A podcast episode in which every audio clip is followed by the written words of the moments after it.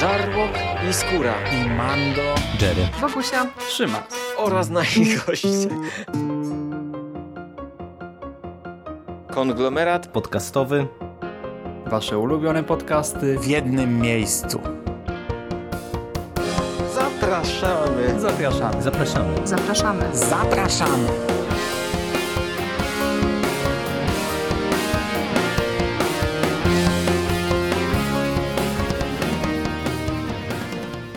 Witamy w Przekaście, czyli przekozackim przeglądzie popkultury z przekazem, czyli cyklicznym i regularnym cyklu e, podcastów e, twórców i przyjaciół konglomeratu podcastowego. Dzisiaj mówi do Was Hubert Spandowski, czyli Mando.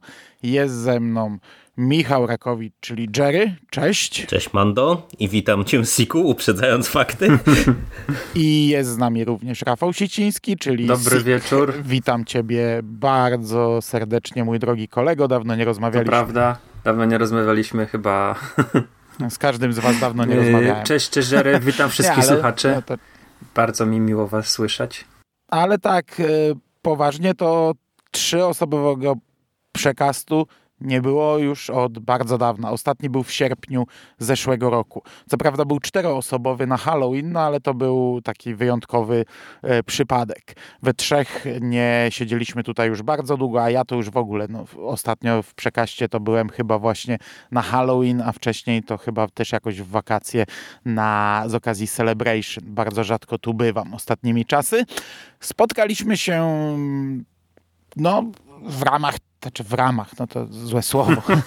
złe Ale dzięki temu, że, jest z powodu- kwarantanna, że, że ty jesteś na, mm, na, na opiekuńczym, tak, na Opiece. opiece. Jerry ma home office. E, to spotkaliśmy się w, we trzech. Udało się. Chociaż nie, Jerry to tak w sobotę to i tak nie Żeby musi mieć sobie- home office, ale to ty, że jesteś na opiece, to tak się udało we trzech spotkać. No ja bym dzisiaj też miał wolny weekend akurat. Dzisiaj nie jestem na opiece, dzisiaj mam wolne. E, Ale udało się. Udało się spotkać we trzech i chcieliśmy sobie właśnie mm, porozmawiać dzisiaj nie tyle o newsach, bo tak naprawdę tych newsów no to nie ma zbyt wiele ostatnimi czasy, a jeśli są to raczej negatywne, e, to raczej odwołanie, a nie zapowiedź czegoś. Mm, Chcieliśmy sobie porozmawiać głównie o tym, co ostatnio widzieliśmy, No i co ostatnio się dzieje. I tak jak powiedziałem, głównie mieliśmy falę kasacji, przełożeń, odwołań i tak dalej, ale również widzimy też trochę jakąś tam iskierkę w tym, w tym mroku, trochę dobra też dostarczają nam ludzie zajmujący się kulturą.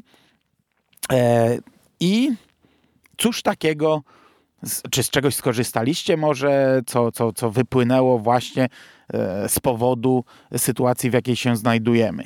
No to jest w ogóle y, taki powiedziałbym bardzo ciekawy czas i ja jestem y, bardzo ciekawy jakie będą reperkusje tak naprawdę y, tego co się w tej chwili dzieje, no bo można powiedzieć, że y, zaczynając od takich y, najgłośniejszych rzeczy, które się w ostatnich tygodniach zadziały, y, mam na myśli tutaj y, przede wszystkim filmy, które y, miały trafić do kin i albo w ogóle do nich nie trafiły, albo trafiły y, bardzo szybko do streamingów, no to mamy do czynienia z czymś tak naprawdę no, bezprecedensowym e, w historii kina w zasadzie, no bo e, wystarczy spojrzeć na e, kilka tytułów Uniwersalu, który udostępnił Niewidzialnego Człowieka i Hunt, polowanie, bardzo szybko w zasadzie w ramach VOD. Te filmy można e, wypożyczyć także legalnie w Polsce, chociaż akurat ceny no, są dosyć amerykańskie, bo to jest 20 dolarów chyba za film, więc no to przy obecnych kursach to to nie jest może specjalnie atrakcyjne, ale tak naprawdę e, to okazało się bardzo szybko, że to jest przecież e, tak naprawdę tylko pierwsza taka e, iskierka e, i tego rodzaju ruchów e, jest coraz więcej. E, Pojawiło się przecież w lesie dziś nie, nie zaśnie nikt, o którym wy ze skórą e, żeście dyskutowali film, który miał 13 marca trafić do kin, suma summarum trafił na Netflix od razu. Doczekaliśmy się Bloodshota, który też miał trafić do kin i który też wylądował od razu w streamingu. Wczoraj... On, do, on trafił do kin. Bloodshot. Trafił do kin w ogóle? Tak, w Stanach o, no miał otwarcie. Miał otwarcie w Stanach. On miał 5 Czyli to kasus niewidzialnego człowieka, tak? 5 marca i wiesz co, bardzo słabo wyszedł, bo chyba tylko mm, 10 milionów w USA, więc to, to był chyba dwa weekendy grał, albo tak mi się wydaje. No, czyli to mówię, to kasus niewidzialnego człowieka, e, a nie dalej jak wczoraj, e, w sumie też film, który był zapowiadany jako jakaś tam głośna premiera, czyli Artemis Fowl, e, ten disneyowski, też według informacji, które się pojawiły, ma trafić od razu na Disney Plus bez premiery kinowej. No co akurat w tym przypadku to już w ogóle jest dosyć E, dziwny przypadek, można e, powiedzieć, no bo ten film e, był zapowiadany od dawna, miał przekładaną premierę, a suma summarum w ogóle do kin nie trafił. No i tam już pominę te, tego rodzaju rzeczy, że chociażby też bardzo szybko żeśmy się do, doczekali też tego naszego głośnego hitu, czyli 365 dni, który też trafił na Netflix, tak jak w lesie dziś nie zaśnie nikt, także widać, że ten kierunek streamingowy jest bardzo mocno w tej chwili pociągający dla producentów producentów. E, no, wiemy, że e, wszyscy w zasadzie skorzystaliśmy z naszego pierwszego polskiego slashera. E, Tisiku sięgnąć po Bloodshota z tego, co mówiłeś, tak? Tak, tak, tak.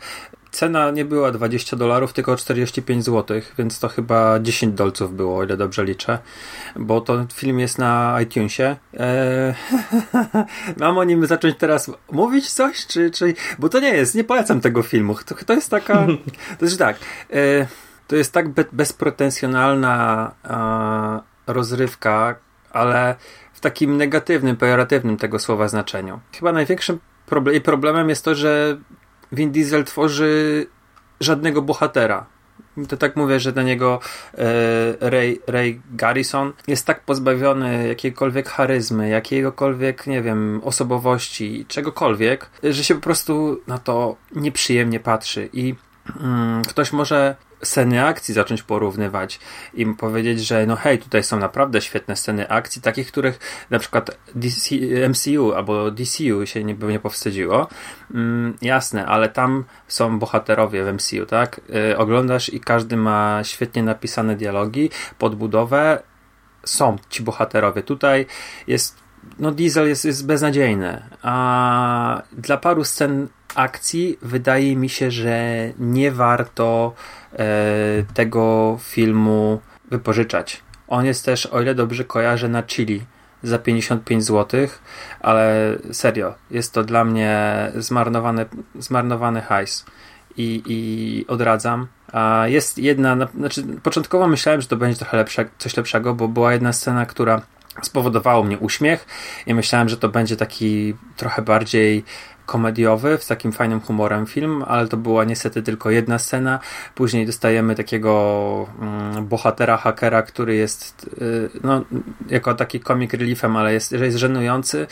No i y, to CGI w pewnym momencie jest obrzydliwe. Takie po, początek filmu jest, jest zdecydowanie lepszy, gdzie, gdzie tego CGI jest, jest sporo, przede wszystkim slow-mo, bo przecież Vin Diesel się nie potrafi za bardzo bić, a, więc te sceny są walki nagrywane w slow-mo, więc one wyglądają spoko, a później mamy niestety bijące takie no, no, rzucające się bardzo mocno w oczy e, to CGI, które y, powie, powiedzmy 5 lat temu by nam nie przeszkadzało, ale w tej chwili już to jest e, na zdecydowanie wyższym, lepszym poziomie, także ja odradzam, nie wydajcie na to pieniędzy.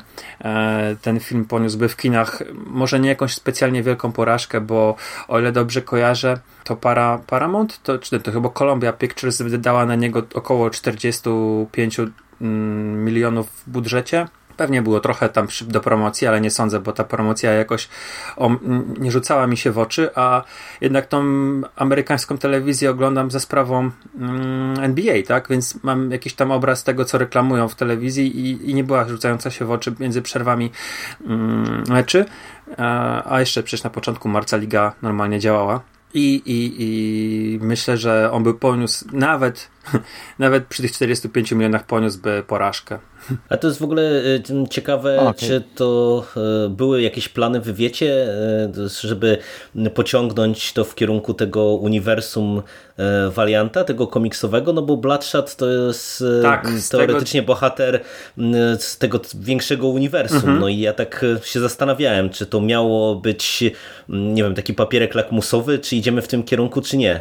Z tego, co rozmawiałem z takim naszym jednym słuchaczem Łukaszem prywatnie, to on właśnie mm, trochę tłumaczył to, jak zasady działania tego uniwersum, że te wydawane u nas komiksy można czytać sobie po prostu na wyrywki, one nie mają jakiegoś takiego ongoingu i też z tego, co, co mi napisał, to, to powie, znaczy napowiedział, to jest tam kilka postaci, które mogłyby powiedzmy mieć osobne filmy, a później tworzyć jakąś większą całość, ale szczerze mm, nie sądzę, żeby ten Bloodshot y, był strzałem i, i, i zapoczątkował cokolwiek. No, Szkoda. No, pe pe pewnie nie, jeżeli mówisz, że tak, tak to wypadło słabo. No, Mando? Nie, no nie wiem, czy jeszcze coś o filmach chcecie, bo ja wam powiem, że ja filmowo akurat nie odczuwam tej kwarantanny, ale to dlatego, że ja do kina raczej nie chodzę zbyt często, a te rzeczy, które oglądam w kinie, no to w tym roku i tak żadna z nich nie była zapowiedziana, zaplanowana, także mm, to mnie nie zabolało. Natomiast y, jeśli o mnie chodzi serialowo, e, co prawda jeszcze nie, bo mam zaległości, ale za chwilę mm, odczuję chyba, bo jednak mimo wszystko cały czas oglądam seriale z klasycznej telewizji, bo wiesz, wiecie, na platformówkach to my tego nie mhm. odczujemy.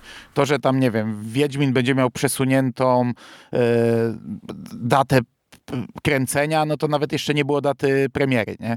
To, to, to, nie będziemy wiedzieli nawet, o ile to się przesunie, bo, bo, bo się nie przesunie, bo nie było podanej daty premiery mm, I i to samo się tyczy w zasadzie wszystkich innych seriali streamingowych, a akurat streaming radzi sobie teraz całkiem nieźle, więc oni zasypują nas innymi rzeczami. E, natomiast seriale klasyczne, no ja kilka jeszcze oglądam takich z klasycznej telewizji i to jest w sumie też sytuacja dotąd niespotykana. No bo mieliśmy strajk scenarzystów w 2007 roku, który wpłynął, wtedy nie było jeszcze platform, e, przynajmniej nie na taką skalę, e, bo, bo coś tam, no taki Netflix, no to był, nie? No ale nie, nie w Polsce. I, I to wtedy bardzo mocno wpłynęło na ten rok serialowy, ale to wpłynęło na takiej zasadzie, że sezony zostały skrócone. Tam, tak jak klasycznie miały te 20 parę odcinków, tak były po 13 odcinków powiedzmy, a takie seriale jak, nie wiem, The Shield wtedy nie powstało, bo nie zdążyli e, robić i, i stwierdzili, że nie będą robić, bo to był finałowy sezon, więc go przenieśli o rok. 24 godziny nie powstały, bo nakręcili chyba, nie wiem, 6 odcinków, a tego sezonu nie dało się skrócić i to w ogóle było fajne, bo wtedy zapowiedzieli, że Tony Almeida wraca, był trailer, wiedzieliśmy, że wraca, a tu dupa, nie? Rok jeszcze czekać, zanim w ogóle to powstanie. I teraz też mamy kilka takich sytuacji, ale już yy, na przykład w ten weekend, teraz nagrywamy to w sobotę, yy, mamy finał The Walking Dead, ale to nie jest finał planowany, bo miało być 16 odcinków tego sezonu, a oni stwierdzili, że sezon kończy się na 15. 15 to jest finał, 16 zostanie puszczony jako odcinek specjalny kiedyś. On nie będzie doklejony do żadnego finału, to będzie odcinek specjalny. A dzisiaj mamy finał sezonu. Ja nie wiem, jak to się skończy, no ale patrząc na te seriale do tej pory, to, to wychodzi, że ten finał nie będzie miał końca tak naprawdę. E, dziesiąty sezon nie będzie miał zakończenia. Potem będzie zakończone to w odcinku specjalnym. E, wszystkie seriale CW przecież zostały ucięte. Tak, tak naprawdę bardzo dużo seriali zostało uciętych, ale mówię o tych, które oglądam. I, i tutaj też nie wiadomo, co z tym będzie. Nie? Niby CW ogłosiło, że w kwietniu wrócą te seriale, ale to jest takie ogłoszenie, tak jak wiele rzeczy się ogłasza, a tak naprawdę może się za chwilę tak posypać, że, że powrót seriali to będzie nasz najmniejszy problem. Mm, I, I znów będziemy mieli taką sytuację, że będziemy mieli pourywane po prostu sezony. I, I w klasycznej telewizji to już w ogóle nie wiem, co zrobią, no bo. Mm, czy to dokleją do następnych sezonów, czy puszczą gdzieś w wakacje, czy te, te, to zakończenie tego, czy w ogóle jakoś to inaczej rozwiążą. Ogólnie się zrobi burdel w telewizji, no bo to, co miało lecieć teraz, będzie musiało zająć miejsce czegoś innego. I coś czuję, że niektóre zapowiedziane rzeczy powypadają z ramówki. A na przykład takie Supernatural, które ja oglądam cały czas, miało mieć finał. 15 sezon, finał se serialu po 15 latach i zostało 7 odcinków. Nie ma, nie będzie. No i też ciekawe, co z tym zrobią, kiedy to puszczą. Czy puszczą za rok jako 7 odcinków, czy stwierdzą, że a w sumie jak mamy puścić 7, to puśćmy 20 mhm. i zrobimy sezon 16. bo czemu nie? Ale tak czy siak będzie musiało zająć czegoś miejsce i, i, i to jest bardzo dziwna sytuacja. Ja na przykład jak teraz do tego usiądę i będę robił moje seriale, to, no to będę omawiał nieskończone seriale, nie? ucięte w połowie. Takiego czegoś jeszcze, jeszcze nie Ale było. zwróć uwagę, że podejrzewam, że jesienna ramówka, ona byłaby dopiero kręcona teraz, tak? Że wiesz, wiosna, lato to jest ten moment, kiedy przygotowują seriale, które miałyby wejść wrzesień, październik. I skoro teraz plany zdjęciowe są w Stanach najprawdopodobniej pozamykane, to No tak. z miejsca, wiesz, te, te końcówki seriali mogą pójść i trochę się zmieni w przyszłym roku. Może ta ramówka. No ale jak to się zmieni? Jak, jak zostało powiedzmy po sześć odcinków, no to te sześć odcinków to będzie No do tak, grudnia. a Czyli po a prostu następne sezony skrócą, Tak. zrobią krótsze sezony, mogą No, tak zrobić. Że nie? wiesz, że te co, Że- co że- ty jesienna to- to- zacznie się na przykład właśnie tak jak powiedziałeś w grudniu. Mm, A reszta wróci już Mhm. później. Może tak być. e, Bo, bo tak naprawdę te seriale są już w większości chyba nakręcone. Takie legendy jutra na przykład są nakręcone. E, Ta główna aktorka napisała na Twitterze jakiś czas temu, że skończyła zdjęcia. No ale studia też są Tak. pozamykane, nie ma tego gdzie zmontować. Tutaj mamy jeszcze No właśnie, i to wiesz, no. To też leży, więc... to co możesz na przykład w home office zrobić, no to no to są, wiesz, jakieś, no nie wiem, poprawki do scenariuszy, takie rzeczy, ale za, załóżmy, że już jakieś mm, efekty specjalne, no to raczej wątpię, żeby to się dało zrobić e, w domu. Po pierwsze, no nie sądzę, żeby każdy miał komputer tak przystosowany, żeby mógł sobie, wiesz, e, robić to zdalnie. Druga rzecz, że w Stanach Zjednoczonych jednak mimo wszystko te łącza są zdecydowanie słabsze niż w Europie i przerzucanie, wiesz, materiału renderowanego e, na jakiś serwer i pobieranie zaraz poprawek do jakiejś innej sceny, no to, to wyklucza to, nie? Także myślę, że tutaj mm, to też stanęło. Także ogólnie ciekawie będzie, jeśli chodzi o te seriale. Znaczy ciekawie, no coś nowego, coś czego jeszcze nie było. Ciekawi mnie, jak to rozwiążą. No i, i ciekawe, ile rzeczy wypadnie, no bo coś, coś pewnie wypadnie. Nie, nie to, żebym miał jakoś w głowie zapisane rzeczy, które w klasycznej telewizji chciałbym oglądać, ale no może tak być. Ale z drugiej strony mogą wypaść na zasadzie, że nie polecam w telewizji, a polecam w jakimś streamingu na, na, na, na zasadzie Rozmawialiśmy, licencji? E, A, a zresztą wie, większość stacji ma swoje platformy, Mhm. także gdzieś to może Rozmawialiśmy pójść. w tym tygodniu o Bastionie, a słuchacze mogli z naszej perspektywy go już słuchać wczoraj, w piątek, podcast o, o ekranizacji Bastionu i ty tam powiedziałeś, że ciekawe co będzie z y, serialem, który robi CBS, 10-odcinkowym i wtedy jak nagrywaliśmy to jeszcze nie miałem wiedzy, ale premierę miała zapowiedzianą na ten rok e, gra od Sony The Last of Us 2. I to jest postapokalipsa. Dzieje się w świecie, w którym wybuchła coś w rodzaju zarazy zombie, tylko ona miała swój, swoje źródło w pleśni, w grzybie. I Sony powiedziało, że premiera jest wstrzymana tego tytułu na okres no, nieokreślony, tak? Że nie jest ten czas podany. No bo tutaj inna sytuacja, nie? Tutaj nie chodziło o to, że nie będzie kiedy nagrać, chociaż Ale to nie, też nie, by ja pewnie sądzę, wpłynęło, jest- ale tu bardziej o tematykę Tak, właśnie, tem- chodziło. i tutaj nie? też no, chodzi o No tematykę. właśnie mówisz o tematyce, Bo- rozjaśniam słuchaczom, Aha, bo niekoniecznie pewnie. słuchali tamtego podcastu. Chodziło o tematykę i takie rzeczy przecież nieraz już Bo bywały. Sony, Sony nie? jest japońską Wiesz, firmą. Po, po 11 I tam jest, wiesz, zupełnie no, po 11 września przecież WTC wycięto z drugiego Amazing Spider-Man. U nas w Polsce przecież był, była skasowana kinowa premiera Escape Roomu po Mhm. tej tragedii, która miała miejsce. Także y, ja się też bardzo mocno obawiam o ten Bastion, szczególnie, że jego akurat jeszcze chyba nie zaczęli robić. Znaczy nie, no jest tam gdzieś tam kręcone było, ale, ale on jest chyba jeszcze na dość wczesnym etapie Mhm. w miarę. I co prawda to robi CBS Access, czyli ta, oni to, to, miało, to miało lecieć na tej ich Mhm. platformie, jeżeli się nie mylę.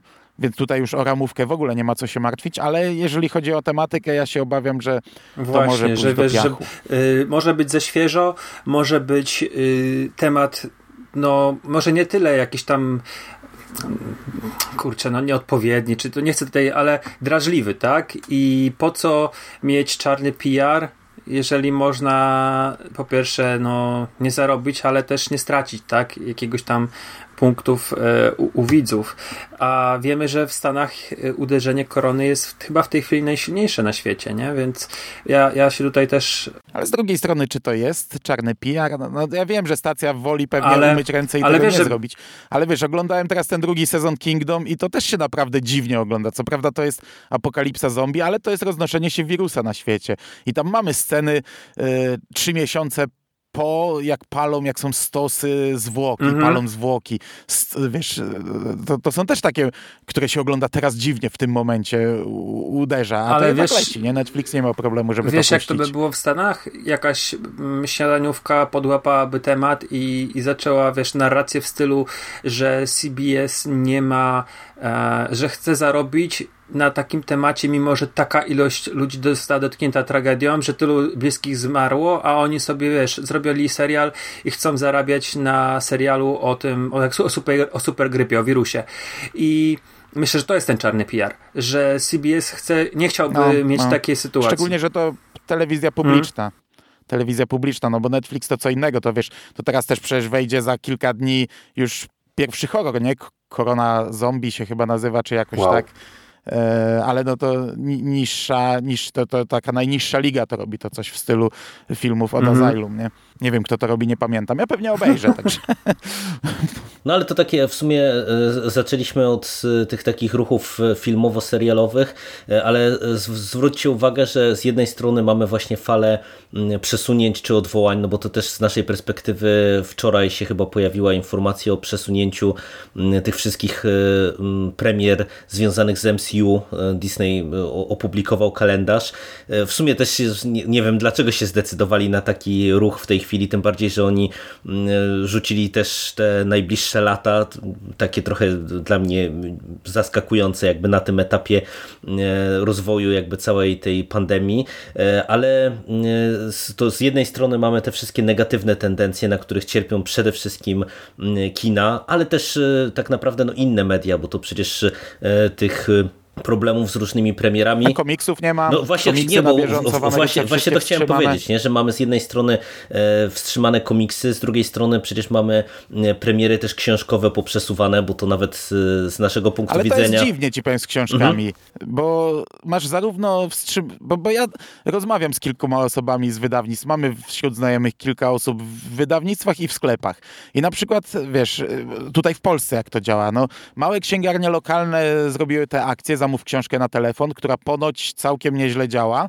E, ja nawet akurat w Nakle nie mam u siebie mm, żadnej takiej małej księgarni lokalnej, mam jedną sieciówkę. To sieciówka to tam, wiesz, ps, to se, oni se poradzą, a jak se nie poradzą, to inna sieciówka na ich miejsce wejdzie, ale myślałem nawet, czy do Bogusi nie zadzwonić i sobie nie zamówić kilku książek od niej, e, tak żeby tam, e, jakiś grosz e, im, im, wpadł, bo te małe księgarnie, to, te lokalne, pomimo tego, że tam ja e, różny mam stosunek do, do kupowania stacjonarnie, no to to akurat lubię, bo to są mm, miejsca, które wiedzą zazwyczaj, jak e, się utrzymać w, w tym świecie internetowych zakupów, więc chciałbym, żeby się jednak utrzymały ale no, mamy znajomego z Empiku, on mówi, że na razie y, jest nieźle. Jest, jest, y, jeśli chodzi o zamówienia y, internetowe, no bo Empiki też są zamknięte, nie? Ale internetowo znaczy, idzie nieźle. Powiedzieć, że to nie, jest, win... to nie jest sprzedawca, tylko to jest no, kierownik całego jednego wielkiego sklepu w, no. w dużym, jednym z większych miast, więc y, to nie jest tak, że to jest jakiś tam, wiesz, mhm. pracownik, student, tylko to jest no, jednak osoba, która ma jakieś tam większy, większe spojrzenie na, na sytuację. Ale to wiesz, to teraz idzie nieźle, nie? A za chwilę mogą się zacząć problemy mhm. finansowe potężne. Teraz Polacy zamawiają pewnie dużo rzeczy. Mam tutaj w, bliższej rodzinie panią, która sprzedaje dużo na Allegro, to teraz też mówi, że, że mnóstwo, nie? że dziennie to tam kilkadziesiąt, pięćdziesiąt ileś paczek wysyła, bo ludzie zamawiają co się da. Ale na przykład mamy kumpla w jednym z wydawnic, mówi, że internetowa sprzedaż spadła w sklepach internetowych i wstrzymali wszystkie premiery, e, te, które mieli zaplanowane na ten czas. Ale nawet z mojego punktu widzenia, wiesz, jako fana Kinga Hilla, no to dwie sprzeczne sytuacje. Bo nowa książka Stephena Kinga najpierw została w Stanach przesunięta o tydzień, w Polsce też o tydzień, ale w przód, nie? że jeszcze szybciej będzie wydana. W, w Polsce będziemy mieli równoległą premierę, też została przesunięta. Teraz wczoraj czy przedwczoraj jeszcze o tydzień w przód została przesunięta. Jeszcze polski wydawca nie odpowiedział, co, co zrobi, no ale widać, że chcą go to wydać jak najszybciej. Nie wiem, jak to ma się im opłacać, jak tam wszystko jest pozamykane. Drukarnie to pewnie też są, niedługo zostaną zamknięte. Nie mam pojęcia, no ale tutaj przyspieszałem. Natomiast z drugiej strony Joe Hill miał wyjść za ile? Za, za jakieś dwa tygodnie i wiemy, że nie wyjdzie. Albatros go skasował. To nie zostało nigdzie ogłoszone na razie jeszcze chyba oficjalnie, ale wiemy, że nie wyjdzie. Wiemy, że no, przed strony, się na pewno Ze strony wyleciał już z zapowiedzi, także no myślę, że to jest taka, takie na razie usunięcie na, ja go na w ogóle nie widziałem. nie? w ogóle nie widziałem na stronie w zapowiedziach, tylko w ich takiej zapowiedzi na początku roku, takiej zbiorczej. E, no dla mnie szkoda, bo czekałem na to bardzo i w sumie nie wiem, no ja nie wiem jak to działa, że jedni mówią, że im się nie sprzedaje i wycofują, drudzy mówią, że im się sprzedaje i nawet przyspieszają, żeby sprzedać to szybciej, bo, bo może być potem gorzej, no bo pewnie będzie gorzej. Ale mi się wydaje, że wiesz to, to jest trochę też tak, że to jest, to wszystko trochę zależy e, pewnie od e, tego właśnie chociażby, czy to ma być tytuł premierowy i na jakim etapie pewnie prac dana książka była, bo wydaje mi się, że na przykład patrząc po rynku tej książki elektronicznej czy e-booków, e, no to widać, e, że poruszenie pewne jest w tym względzie i, i to widać i po jakichś tam różnego rodzaju promocjach, które się pojawiają na elektroniczne książki i też dochodzą właśnie gdzieś nas takie słuchy, że to, to zainteresowanie książką elektroniczną nagle wzrosło i podejrzewam, że jeżeli ktoś ma już te premiery gdzieś tam na, na wykończeniu, czy miał te książki prawie że gotowe, to pewnie może niekoniecznie chce e, odwoływać, e, chociażby właśnie na zasadzie takiej, jak tu mówimy, że w tej chwili ludzie jeszcze siedzą w domu i trochę dla zabicia pewnie nudy, e, dla poprawy sobie nastroju kupują, a tak naprawdę no myślę, że na razie mamy zdrowotny Armagedon gdzieś tam pukający do drzwi, a zaraz może się okazać, że będziemy mieli finansowy Armagedon czy gospodarczy.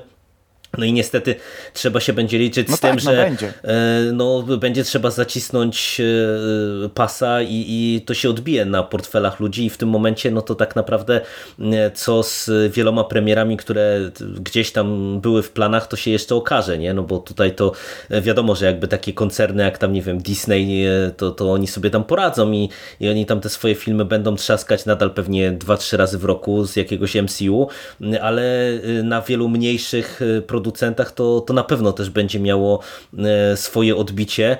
E, także no, widać, że na razie to żyjemy w takich e, czasach, do których wszyscy się próbują jakoś tam dostosować, ale tak naprawdę nikt nie wie, w jakim kierunku to pójdzie, bo, bo to też tak naprawdę przecież ten, te ostatnie dni, czy, czy tam tygodnie, no bo to już można powiedzieć, że trwa ze trzy tygodnie w Polsce, można powiedzieć, taka, taka dosyć narastająca izolacja, no to przecież E, w ogóle widać, że e, kultura próbuje reagować w różny sposób, nie? bo mamy te przesunięcia mhm. premier, e, mamy teatry na przykład, czy przedstawienia Jerry, teatralne mogę i cię koncerty. prosić, żeby się mhm. zatrzymał w tym momencie, bo ja jeszcze chciałem coś dodać a propos tego rynku książek, a już wchodzimy... A, dobra, dobra, spoko, spoko, okej, okay, sorry, sorry. No, wiecie mów, co, mów. ja bym chciał coś powiedzieć, co jest, co ma przełożenie znowu na rynek gier konsolowych, że premiery są wstrzymywane mm, i ludzie są w internecie oburzeni, no bo przecież mogliby to wydać w, tylko w cyfrze. Ale yy, okazuje się, że jednak wielka część, wielki segment sprzedaży to jest fizyczny produkt, który nadal jest na półkach w hipermarketach, w sklepach yy, i tak samo jest z książkami. I ja wiem, my żyjemy w takiej bańce yy, średnio starych ludzi, nie? Się śmieję, ale moja no, osoby z mojego najbliższego otoczenia, one kupują nadal książki yy, fizycznie. Idą do Empiku, szczególnie, że teraz Empik się otworzył w Obenicach i kupują za pełną cenę okładkową książkę w Empiku. Są w Carrefourze. No, ale tak jest, wiesz, nasza znajoma, która pracowała w różnych wydawnictwach, ona nam mówiła, że to jest nadal większość tak, sprzedaży. I Pomimo tego, że dla mnie to jest niewyobrażalne, bo ja nie pamiętam, kiedy kupiłem książkę Harry'ego Pottera, kupiłem ós, ósmy tom, że poszedłem z rana i kupiłem w księgarni, a tak to nie pamiętam, kiedy No, ja kupiłem właśnie. fizycznie książkę. Zamawiam zawsze przez internet, ale masa, masa ludzi kupuje w taki I sposób. te przełoże, te prze, przełożenia premier to są. E, no właśnie, teoretycznie przecież mogliby ogłosić premierę i sprzedawać internetowo, tak? Ale pytanie, ile osób na przykład śledzi fanpage i z tych śledzących fanpage dowiedzą się o tej premierze? E, ile osób e, śledzących na, na Twitterze, czy na, na Twitterze nie ma polskich wydawnictw, e, na Instagramie kupi tę książkę albo przeczyta na jakichś blogach, tak, tych no, książkowych, czy booktubie polskim. Więc raczej książki są, sprzedają właśnie na targach, na hipermarketach, w empikach i tak samo z grami jest.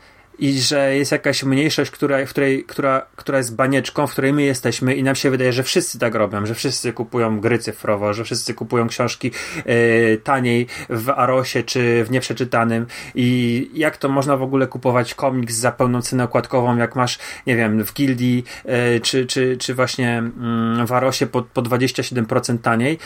Jak można tak w ogóle o tym nie wiedzieć? No, są ludzie, którzy nie, nie robią nadal zakupów przez internet, y, lubią iść do sklepu, bo dla nich to jest też pewnego rodzaju rytuał, tak? To jest po prostu rytuał i ja widzę, że wiele osób z mojego otoczenia lubi to, iść na zakupy i fizycznie podotykać rzeczy i nie przestawiają się teraz. Mamy trzy tygodnie, jak powiedziałeś i ja nie widzę, żeby gdzieś tam ktoś kupował więcej, raczej jak to się do mnie odzywa, to czy bym coś mu nie pożyczył. Natomiast jeszcze wracając do e- e-booków, ja, ja generalnie już teraz czytam tylko na Kindlu.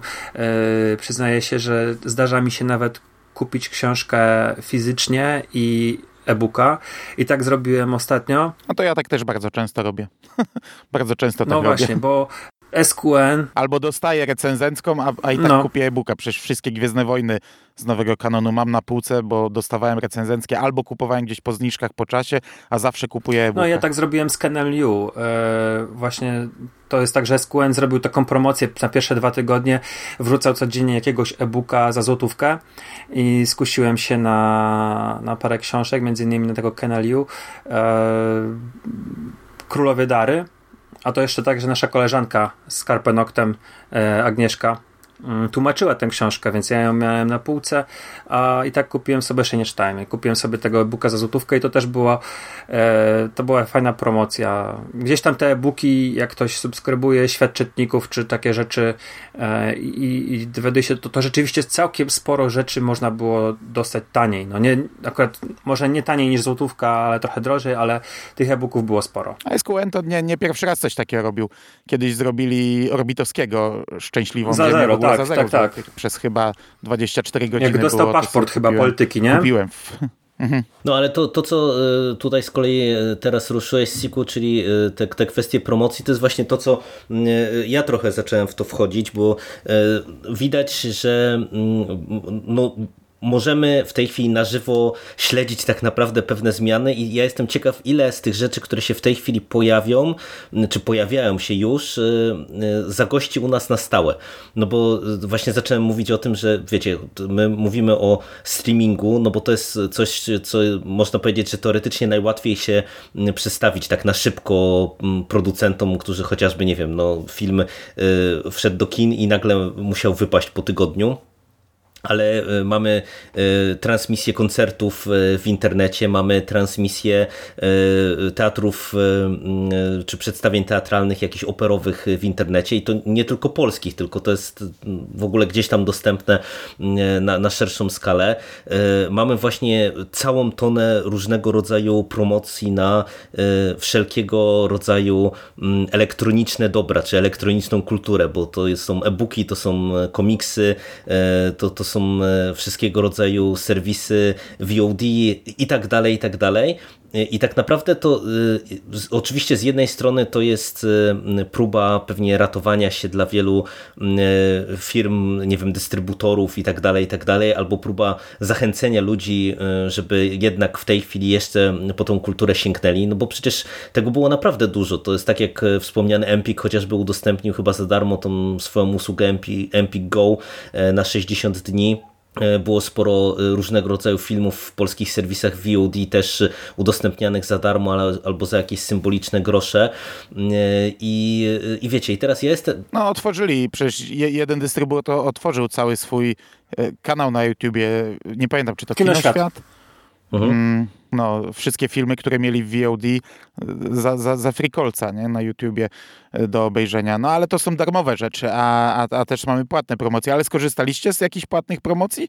Bo ja przyznam, że od trzech tygodni nic nie kupiłem nic tak zupełnie zero. Mam taką hałdę wstydu na, w domu, że na razie z tego korzystam. Nie, no ja też, też przyznam, że w zasadzie nic nie kupowałem teraz e, w tym, w tym okresie, ale, ale, ci przerwałem ale to, to, to, też e, jest akurat e, no u mnie to specyficzna sytuacja, więc ja już w ogóle na razie odpuściłem wszelkie możliwe zakupy, ale jakby z trochę z tych różnego rodzaju wrzutek też w bardzo ograniczonym zakresie, ale tam po parę rzeczy sięgnąłem.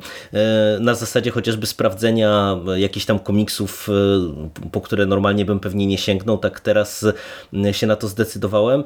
I wiecie, mówi się dużo o tym, zresztą to też ciekawe z perspektywy naszej polskiej i naszych dyskusji, tego jak się zmieniło postrzeganie piractwa w Polsce przez te ostatnie lata, przez rozwój chociażby Netflixa, gdzie nie wiem, czy widzieliście wielką dyskusję w Stanach odnośnie piractwa, jak jak y, y, biblioteka ta, no, jak ichnia chyba narodowa udostępniła też tam na jakiś czas y, swoje zasoby książek elektronicznych za darmo i się podniosła wielka, wielkie larum ze strony sporej grupy pisarzy o tym, że po prostu są okradani nie? i że, że to w ogóle piractwo, jak tak można, do czego to podobne, żeby biblioteka książki wypożyczała za darmo, bo, bo ktoś ich okrada i tak dalej, i tak dalej.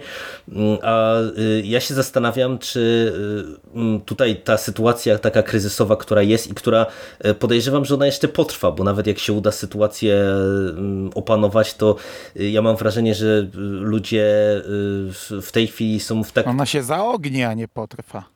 Ona będzie, to będzie straszny świat przez najbliższy czas. No i, i wiesz, i teraz ja się zastanawiam, jak e, ta, ta sytuacja wpłynie na takie przyzwyczajenia konsumenckie, nie? Bo e, ilu mamy właśnie takich ludzi, którzy, nie wiem, cały czas e, uważają, że film to kino, książka to, to papier, to, to co ty Siku mówisz, że jak gra, to, to trzeba obmacać pudełko i kupić komiks w Empiku, a teraz no widzimy jednak taką próbę przerzucenia całej tej kultury do internetu i to nie chodzi mi e, o to nawet, że to jest właśnie wszystko za darmo, no bo to nie może być za darmo. No przecież ci wszyscy artyści, twórcy, dystrybutorzy e, też muszą z czegoś żyć i, i to mm -hmm. wiecie, to Ale to, to są ja rozumiem, że połączone. Ale to może też w drugą stronę pójść, no bo pamiętaj, że dużo z tych e, firm, ludzi udostępnia swoje rzeczy, czy tam wydawnictw, bo też trochę po to, żeby ludzie siedzieli w domu mhm. i, i, czytali, też trochę, żeby się może zareklamować tym, ale to nie jest żadna krytyka z mojej strony, nie?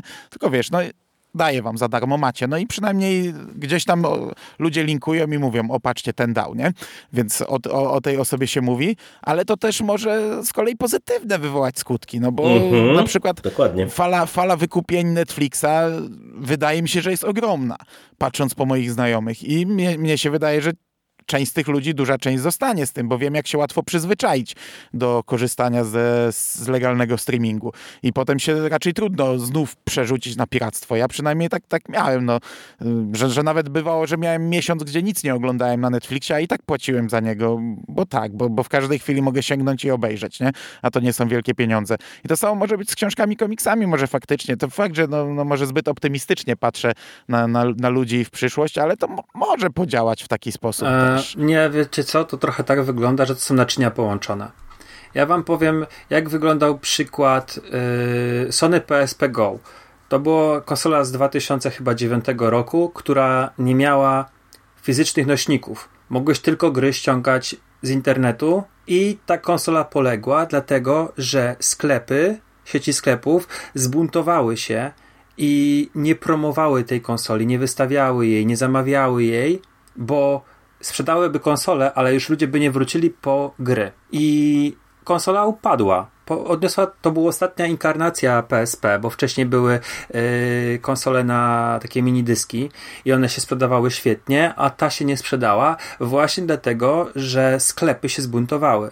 I w tym momencie, jeżeli będziesz miał wydawcę, który yy, pominie jakoś bardzo mocno kina, to następnym razem, jeżeli będzie wchodził film do kina, to ten film może na przykład dostać, e, bo tam są wiadomo, są, są organizacje, które e, w Stanach ta organizacja nazywa się NATO, to jest taki dziwny skrót, ale e, jest i kina mogą zareagować, ha, ha, ha, wrzucaliście filmy, które miały się iść... Ale kina nie padną, ale nie, nie, nie. ty. Ale nie, no, kina nie padną, bo kino to jest ale dodatkowa, mnie.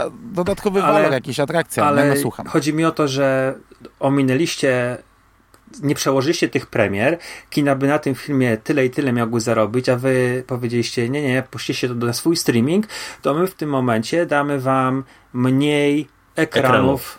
Tak. I ja nie mówię tutaj o Disneyu i MCU, ale na jakiś inny zupełnie film. Taki, który, yy, który mógłby odnieść sukces, gdyby na przykład był, mógłby więcej zarobić, bo by więcej ludzi przychodziło, ale na przykład w tym momencie to jest jakiś film Universalu, bo właśnie teraz Universal zrobił takie coś, że wrzucił na streaming chyba Trolle 2. I oto o, się to właśnie... się pojawiło? Bo z, z, ja kojarzyłem, że to miało mieć premierę chyba w maju, nie? A tu mówisz, że to już weszło, tak? Od razu poszło na VOD chyba. Okay. E, I właśnie przyczepili się do tego. I wiesz, teraz będzie miał tak, że Universal będzie miał jakiś film, a oni powiedzą, no ale damy wam tylko tyle i tyle ekranów, a to jest na przykład 70% ekranów, które normalnie dawali, a reszta na przykład łapie Disney. Więc wiesz, tutaj jest, jest taka, ja tak uważam, naczynia połączone i bardzo chwiejna równowaga między wszystkim. Że wiesz, że... Ale ja mówiłem trochę o czymś innym, wiesz co, bo kino, sieciowe kino nie padnie. Znaczy małe padną, ale sieciowe nie padnie, nie? Bo ludzie i tak będą chodzić do kina, mhm. jak to się skończy. Wrócą do kini, to może nawet szturmem. Ja mówiłem bardziej o czymś takim, że wiesz, ściągasz e-booki piracko, a teraz nagle wziąłeś sobie na 60 dni Empik Go, które normalnie nie jest jakoś szalenie drogie chyba z tego, co kojarzę. I przyzwyczaić się do komfortu ściągania, to e, pobierania różnych rzeczy z Empik Go i bardzo możliwe, że z tym zostaniesz, nie? Możliwe, że ludzie, którzy do tej pory ściągali piracko audiobooki, bo im było głupio wydawać, nie okay, chcieli wydawać 4-5 dych bo... na, na książkę, teraz nagle odkryli Storytel, powiedzmy, które nie jest drogie i zobaczyli, że kurde, płacąc te trzy dychy miesięcznie, mają dostęp do całej ich bazy. Jest to komfortowe, bo jednym kliknięciem masz w aplikacji nową książkę, a wiem, jak to jest komfortowe i jak się szybko można do tego łatwo przyzwyczaić do takiego mm. korzystania. I już ci się nie chce szukać, wiesz, po, po jakichś tam, kurde, jakichś, jakichś, wiesz, zakopanych forach, jakichś rapidach, jakichś, jakichś torrentach, czy gdzieś yy, audiobooków, jakichś chomikach, gdzie, żeby się przekopać i znaleźć tego pirata, to, a jeszcze ściągniesz i to będzie Iwona i tak dalej, i tak dalej, a tu masz komfort tak tego, nie? Więc ja w tym widzę jakiś pozytywny mhm. aspekt, że ludzie może myślałem, się przyzwyczają, że wiesz, zakładając, wiesz, tak, że że upadek tych fizycznych nośników na, na rzecz... Yy no właśnie, cyfry. Więc ale tego nie, tak zareagowałem, nie, ale... Nie. No bo nie, nie, nie, bo to... No, bo e-booki nie były nigdy w fizycznej ja postaci. Mówię bardziej o ludziach, którzy do tej pory piracili, a teraz z legalnego źródła mm. zaczną ściągać. Piracili filmy, a teraz zobaczyli, że Netflix jest kurde tanią platformą i że mają tam gigantyczną bazę filmów i mogą sobie -hmm. z tym, i z tym Netflixem zostaną. Część z nich zostanie na pewno, jestem przekonany. Tak. Ja, ja w ogóle się ba bardzo zastanawiam e, nad tym, e, na ile to e, w jakimś tam średnim czy dłuższym terminie może zaowocować w ogóle większym otwarciem e, ludzi na kulturę e, wszelką. No bo wiecie, tutaj te e, akcje różnego rodzaju, gdzie coś mamy za przysłowiową złotówkę za darmo albo za jakieś grosze, no to, to w ogóle ja mam wrażenie, że to dzisiaj się śmialiśmy nawet z, z żoną, że widać po grupie osiedlowej naszej na, na fejsie, że ludzie zaczynają umierać już z nudów, bo pełno jakichś, wiecie, akcji na zasadzie oddam książki, oddam e, z, z łoka za zgrzewkę piwa i tak dalej, i tak dalej. Ludzie siedzą w domach i robią porządki, nie? Mhm. I teraz ja, ja się zastanawiam, e, jak część tych ludzi, e, która nagle, nie, nie wiem, została uwięziona w domu, a miała przyzwyczajenia, żeby spędzać czas, nie wiem, z przyjaciółmi w restauracjach i tak dalej, i tak dalej, teraz trochę może być skazana na, na poszukiwanie jakiegoś zajęcia w formie właśnie chociaż chociażby konsumpcji kultury. I wiecie, ja mimo wszystko widzę w tym pewien potencjał, taki pozytywny właśnie, to co Mando mówi, że, że tutaj jednak ten komfort może zaowocować tym, że część ludzi takich, którzy byli sceptykami tego rodzaju formy. To jest to, co ja się zawsze śmieję z e-booków, że ja po prostu mm, odkąd y, wrzuciłem pierwszą książkę na Kindle, to ja po prostu w zasadzie nie jestem w stanie zrozumieć, y, jak można jeszcze czytać szczególnie jakieś te wielkie cegły mm, w innej formie niż w, właśnie w książce, w przypadku książki elektronicznej, mm, a tak naprawdę no, y, tu, tutaj ta, ta ucieczka do internetu, czy taki skok do internetu, no to właśnie się tyczy prawie że wszystkiego w tej chwili, nie? I teraz jestem jestem ciekaw, ilu z tych ludzi, którzy sięgną po coś, mm, e, z tym zostanie. No bo to, co z kolei ty, Siku, mówisz, no to wiadomo, że to jest e, duży problem, e, pewnie też do, do rozwiązania w przyszłości, no bo zwróćcie uwagę, że przecież u nas chociażby tuż przed tym, jak kina zostały zamknięte, nagle Cinema City zrobiło ten ruch taki ob, obniżki cen biletów w zasadzie o połowę, co... Wszystkie sieciówki zrobiły. No, wszystkie, ale, ale chyba Cinema City chyba zrobiło ten taki najbardziej radykalny, nie? bo oni, e, wydaje mi się... Wszystkie do 15 ścięli, to po prostu Cinema City jako pierwsze ja usłyszałem, ale chwilę potem e, a to patrz, Multikino to... Helios też zaraz a, a to, to, nie widziałem Ale tego. też nie wiem, czy w każdym moje lokalne, mieście. Moje lokalne na nawet kino miały. obniżyło wtedy ceny, razem z Heliosem, bo teraz mam dwa kina w mieście. I Helios obniżył i, i lokalny Tomi. I wiecie, na przykład to jest, to jest trochę tak, że e, ja od po prostu lat się zastanawiałem, co stoi za tym, że my mamy tak drogie bilety w kinach, nie? No bo przecież, no umówmy się, y, w sieciówce y, w dużym mieście, jak idziesz do kina, to, to płaciło się 30, 32 zł za, za bilet kinowy, co przy cenie Netflixa, y, przy cenie mm, nie wiem, DVD nawet, czy Blu-raya, gdzie jeszcze w kinie to trzeba dorzucić pewnie jakiś grosz dodatkowy na jakiś zestaw jedzeniowy, czy cokolwiek innego, to nagle się okazywało, że, że kino to naprawdę było no bardzo droga impreza, nie? Ale nie łudź się, że kino stanieje, nie? Może przez pierwszy okres gdzie będą chcieli zachęcić ludzi, żeby wydawali jednak pieniądze na kino, bo będą, ludzie będą mieli większe priorytety, to może faktycznie przez pierwszy okres, jak otworzą kina, będą dalej po 15 zł, ale nie łudź się, że to ale stanieje. Nie, ale wiesz, to, nie, nie, ja się właśnie bardzo zastanawiam, e, czy czasami tak nie będzie, że stanieje, bo ja osobiście jestem e, zwolennikiem tezy e, niczym nie podpartej, poza moimi wrażeniami, że gdyby mm, jednak te kina były tańsze, to ludzie by chodzili częściej, bo wiesz, nawet, nawet na tym barze, czy inaczej, nawet na tym barze, na barze i tak będą zarabiać tyle samo, y, jak nie więcej, no bo zakładam, że tańsze bilety mogą przyciągnąć ludzi do kina, a to jest kasus y, chociażby takiego Unlimited, gdzie ja w zasadzie widzę po wszystkich y, ludziach, których znam i ze znajomych, i z rodziny, którzy mają Unlimited, no to zaczynają chodzić do kina tak jak skóra, że chodzą na wszystko. No albo teraz, nawet na pół filmu. Albo nawet na pół filmu, a, a na przykład na drugą połowę, albo na, na końcówkę na, na końcówkę, żeby spoilerować później wszystkim zakończenie Gwiezdnych Wojen. E, ale, ale wiecie, no to jest, to jest trochę tak, że jednak e, obniżka ceny biletu to może otworzyć e, ludziom trochę pole do tego, żeby się jednak tam częściej wybrać. I to jest tak, że ja nie spodziewam się, że to nagle spowoduje szturm na kina, ale wydaje mi się, że dla części ludzi jednak te, te, ta bariera cenowa była istotna. I teraz, wiecie, ja się zastanawiam, tak jak z kinem, tak jak ze wszystkimi wszystkimi tymi dobrami, na ile to może y, utrzymać y, te, tego odbiorcę kultury przy sobie, nie? Że wiecie, że ktoś y, skorzysta z e-booka, pójdzie na, na, taniej do kina, sięgnie po Netflix i na ile z tym na dłużej zostanie, nie? To, to jest dla mnie ja ci, najciekawszy aspekt tego. Ja ci powiem, że ja się nie chcę wypowiadać na takie tematy, ale nie do tego, że nie mam wiedzy, ale szczerze mówiąc, to obserwując sytuację, jaka dzieje się na świecie, to cała moja wiedza jakaś ekonomiczna, którą wyciągnąłem ze studiów, wyniosłem, e, jest o kant, e, no, wiecie czego rozbić, bo bo, no bo to jest trochę takie, wiesz, wróżenie, wróżenie z fusów. I nie wiemy, jak to będzie. No, no to prawda. Wiesz, no tak, no my rysujemy tutaj dość świetlaną tak. przyszłość i taką fajną i w ogóle sobie mówimy o tak takich pierdołach, nieistotnych rzeczach, nie?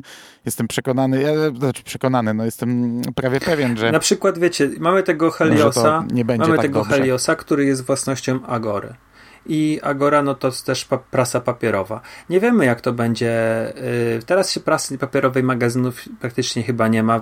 Newsweek poszedł, to nie jest akurat Agora, ale poszedł na cyfrę, już tam gdzieś tam wiecie. Wprost mówią, że, zdechło. No właśnie, wprost zdechło. Mówimy, mówimy o tym, że już prasa papierowa cienko przędła, a teraz może być tak, że się wiele magazynów zwinie. Nie wiemy, jak będzie, wiesz, że spółka matka, jak będzie, jak będzie wyglądało, i nagle może być tak, że po dwóch latach od tego, co się stało, stwierdzą, że jednak się wycofujemy i sprzedadzą na przykład Heliosa komuś, a tamtemu się, no nie, nie wiemy, jaka to będzie ten, ta cała układanka tego wszystkiego, jak się to skończy. Druga rzecz, że wiesz, wydawałoby ci się, że rany, no mówią ci wszędzie zewsząd, że nie wiem, gospodarka jest świetnie, prosperuje i w ogóle i patrzymy na Stany Zjednoczone, gdzie mają drugi tydzień izolacji i nagle jest 10 milionów bezrobotnych. Właśnie, o to mi chodzi, nie? Że nagle wiesz, pierwszy tydzień u nas izolacji, a tu już przedsiębiorcy mówią, że mają takie straty, że muszą zamykać lokale. I wiesz, zachodzi mi w głowę, to zaraz, chwila, moment. A wiesz, na przykład nasz znajomy yy, pracował, był w pracy w Anglii, wrócił z Anglii i dostał już wymówienie, bo musiał przejść kwarantannę, tak? I już dostał wymówienie na dzień dobry, jak był drugi dzień na kwarantannie, to dostał list polecony od pracodawcy, że rozwiązuje z nim umowę. Wiesz, dla mnie to jest, kurde, naprawdę Wiem, że przedsiębiorcy też myślą już do przodu i tak dalej, ale to jest dla mnie też niezrozumiałe, że mówimy o silnej gospodarce, a tak naprawdę wszyscy zarabiają z dnia na dzień, z miesiąca na miesiąc, że wiecie, wie, wiecie co mi chodzi, że jeżeli macie jak, jakieś, jakieś postojowe, to kurde wszystko się wali. I ja nie, tutaj nie, nie chcę komuśkolwiek wzbijać szpilkę i nie chcę nikogo rozliczać, że jest nieoszczędny czy coś takiego, tylko że ja naprawdę nie wiem, jak to będzie yy, i nie chciałbym wróżyć, że wiesz, że będzie tańsze kino, czy będzie droższe, bo tak jak, yy, że będą zarabiali na bufecie, bo bo tak prawdopodobnie może być, tak jak mówisz, nie? że bilet może być tyle, tyle tańszy, mm, tylko pytanie na przykład, czy będzie wchodziło za dwa lata tyle filmów do kina, żeby się w ogóle opłacało, że na przykład, wiesz, mieć dwa kina w mieście, bo będzie na przykład wchodziło w repertuar tygodniowo dwa filmy, ja w to, tak, no, no. Nie, ja w to nie, chcę, nie chcę wróżyć źle, tak, że może takiej sytuacji nie być, ale wiesz, będziesz miał e, 10 kin w mieście, załóżmy jakimś, w którym grają wszędzie 5 filmów i wiesz, ludzie będą chodzili no, na te, no, będą mieli mały wybór, będą, wiesz, omijali filmy, będą omijali kino. Mm, kiedyś mi kumpel, który miał bar, znajomy, właściwie nie kumpel, powiedział, że ja mówię, czemu ty masz najdroższe piwo w Obenicach, no nie, że wszędzie jest po 6, a ty masz 8. A on mówi, że dlatego ma drogie piwo, bo y, ludzie, którzy przychodzą na piwo, on na nich nie zarabia. Ja mówię, jak to nie zarabiasz na nich? On mówi, ja nie zarabiam na, na piwie, tylko na mocnych alkoholach. A ci, co przychodzą na tanie piwo, to nie, nie kupują mocnych alkoholi. I, i wiesz, on prosperował sobie, podejrzewam, nawet lepiej niż ci, co mieli to piwo za 6 zł, bo im stoliki zapełniali biedacy, nie? Studenci. Mówię w ten sposób. Ja też wtedy byłem studentem. Także dla mnie to wtedy było niezrozumiałe, ale yy, te mechanizmy są, rynku są różne i ja mówię, ja się bym tutaj nie podejmował jakiegoś takiego wróżenia bo nie chciałbym też później to mówić, że odszczekiwać i tak dalej. Już, nie, już niejednokrotnie bzdury gadaliśmy. Znaczy ja mówiłem. No, z, z, z, zobaczymy. Y, no, przyszło, przy, przyszło nam żyć w ciekawych czasach, tak czy siak, nie? Dobra, ale wiecie co, taka ładna puenta nam wyszła, ale ja bym chciał jeszcze ze dwie rzeczy no, y, mów, mów, mów. pochwalić y, to, co widzę teraz w tym okresie. Wiem, że już mamy godzinę na liczniku, ale co tam. Podoba mi się, jak ludzie kultury robią wszystko, żeby o nich pamiętać. I mówię tutaj na przykład o chociażby pisarzach, którzy e, streamują cały czas spotkania gdzieś tam e, internetowe i, mam, i, mamy możliwość gdzieś tam uczestniczenia w spotkaniu, chociaż nie możemy wyjść. I to robi mnóstwo pisarzy i to są spotkania, na których oni podpisują książki. Teraz w Polsce Ćwiek będzie podpisywał za chwilę książki. Przed chwilą Joe Hill robił spotkanie z podpisywaniem książek. E, to jest fajna rzecz. Pisarze zaczęli robić różne streamy, live'y, no u nas jak głównie po Ćwieku widzę, bo jego akurat mam w znajomych, no to przecież co chwilę jakieś live'y z Czartoryskim robi, podcast zaczął nagrywać, ten podcast live wrzuca. Takie rzeczy się robi, nie? A też ty wspomniałeś o teatrach, Jerry, że teatry y, streamują y, swoje różne tam nagrane sztuki, ale ja mam jeden teatr polajkowany na Facebooku, y, Teatr Kwadrat z Warszawy, bo oni cały czas wystawiają Misery i cały czas ich śledzę, bo chcę tam wiedzieć, czy, jak to długo jeszcze będzie leciało. Jeszcze Kwadrat robi coś takiego, że robią spektakle na wyjeździe i co jakiś czas w innym mieście wystawiają, więc w razie gdyby kiedyś w Bydgoszczy na przykład grali Misery, to chcę mieć cały czas rękę na pulsie i oni cały czas są aktywni w internecie i na przykład robią co chwilę takie wydarzenia, gdzie czytają sztukę. I masz normalnie stream aktorów, ekran podzielony powiedzmy na sześć kwadracików, sześciu aktorów siedzących u siebie w domu, każdy wiesz tam w swoich, tu, czy to w jakimś szlafroku z kubkiem kawy, czy z czymś i oni czytają sztukę, to możesz sobie obejrzeć na żywo, potem to jest umieszczane na ich kanale YouTube'owym i to jest dla mnie fantastyczna rzecz. Nie wiem, czy inne, czy inne teatry też tak robią, ale to jest, e, patrząc tylko na ten jeden, na Teatr Kwadrat, on cały czas sobie przypomina. Jeśli nie robią streamu z czytania sztuki, to robią mm, nagrania, recenzje książek. I teraz różni aktorzy, którzy tam grają, robią coś takiego jak godzina ze sztuką i, i opowiadają o jakiejś swojej książce. Czyli ludzie, którzy wcześniej powiedzmy byli ponad nami, teraz zaczynają robić to, co my, nie? I to jest fajne, to mi się podoba. Od razu padły inicjatywy z konwentami online mm, i powstał na pewno kwarantankon i Conline. Conline tylko zobaczyłem stronę, zobaczyłem program, bardzo obszerny program, ale raczej nie, nie, nie, nie, nie był w moje, nie, nie celował w moje gusta, więc w ogóle go nie śledziłem. Kwarantankon trochę śledziłem, chociaż też e, niedużo. Zobaczyłem jedną prelekcję tak naprawdę, jedną całą prelekcję o Gwiezdnych Wojnach, bardzo fajna. Nie pamiętam kto prowadził, e, jakiś koleś z Trickstara, o, o, prawnym, o prawnych aspektach, o różnych e, plagiatach, o wytoczeniu, o różnych procesach, jakie były wytaczane przez Lucasfilm. Bardzo fajna prelekcja i sobie ją całą godzinkę obejrzałem prelekcję. Poczułem się trochę jak na konwencie. Fakt, że no, w minimalnym stopniu, nie? No, bo nie było interakcji z, z tym człowiekiem, a jeszcze to było na Facebooku. Na tym Facebook Watch to wiemy, jak to się kończy zazwyczaj niebieskim ekranem, więc nawet, nawet nie uczestniczyłem w tym tam mikroczacie pod tym, tylko się cieszyłem, że mi nie pada, um, nie pada łącze. Ale to bardzo fajna prelekcja, bardzo fajnie się oglądało i też ciekawe doświadczenie, bo ja część obejrzałem kąpiąc się, część na zakupach w Lidlu i, i, i, i koleś cały czas do mnie mówił, nie? A ja sobie gdzieś tam słuchałem. Zresztą dowiedziałem się, że w 2016 roku powstała druga część tureckich Gwiezdnych Wojen, o czym nie wiedziałem i chciałbym to obejrzeć, ale to chyba nie jest dostępne online. Ale no, to pokazuje, że dużo fajnych rzeczy się dzieje, takich nie tylko kup książkę, kup film, ale też to, co było do tej pory, że ludzie robili konwenty, ludzie robili spotkania. Fakt, że to były odpłatne spotkania, no pisarze na tym zarabiali, teraz nie zarabiają, ale robią wszystko, żeby o nich pamiętać i to też jest fajne. No to jest kasus ten e, chociażby tej powieści pisanej teraz przez Twardocha i Orbitowskiego, gdzie oni e, piszą na zmianę po, fragmencie e, książki dzień w dzień. E, no tak jak mówisz, to są fajne inicjatywy. Należy to e, e, docenić i w sumie tego jest tak dużo, że my przecież e, mieliśmy punkt wyjścia w rozmowie, jak żeś, żeśmy planowali ten przekaz, żeby w ogóle tutaj trochę takich rzeczy polinkować i, i zaprezentować, ale jak zaczęliśmy to zbierać, to się okazało, że tego tak wysypało, że to jest po prostu no, nie do ogarnięcia tak naprawdę, nie? jeżeli chodzi o ilość tego rodzaju inicjatyw wszelkiego rodzaju. Nie? Tak, tak, jest tego naprawdę bardzo No dużo. dobrze. Ale ja bym chciał też przywołać tak, takie, taką jedną rzecz. Mando kiedyś nagrał na, swoje, na początku swojej kariery podcasterskiej reklamę do takiej książki Miry Grant, Feed. I Feed. tam była taka Feed. wizja, Apokalipsa Tak. końca świata. tam była taka wizja Zapomniałem o tym. Kurczę, yy, że ludzie wymyślili lekarstwo na grypę i chyba na raka, ale te dwa leki zadziałały tak, że nagle zaczęły się pojawiać zombiaki. I jak państwa i rządy upadały, to główną, taką, główny ciężar powiadomienia ludzi i mm, dostarczenia informacji przejęli podcasterzy, vlogerzy i blogerzy. I trochę tak jak ty powiedziałeś, że są ci, co byli nad nami, teraz robią to samo co my, czyli nagrywają. No my nie nagrywamy streamów, tylko oczywiście podcasty. To, to jest trochę tak, że tam ta Mira Grant przewidziała w jakimś tam stopniu, e, wiecie, no, tam ten scenariusz.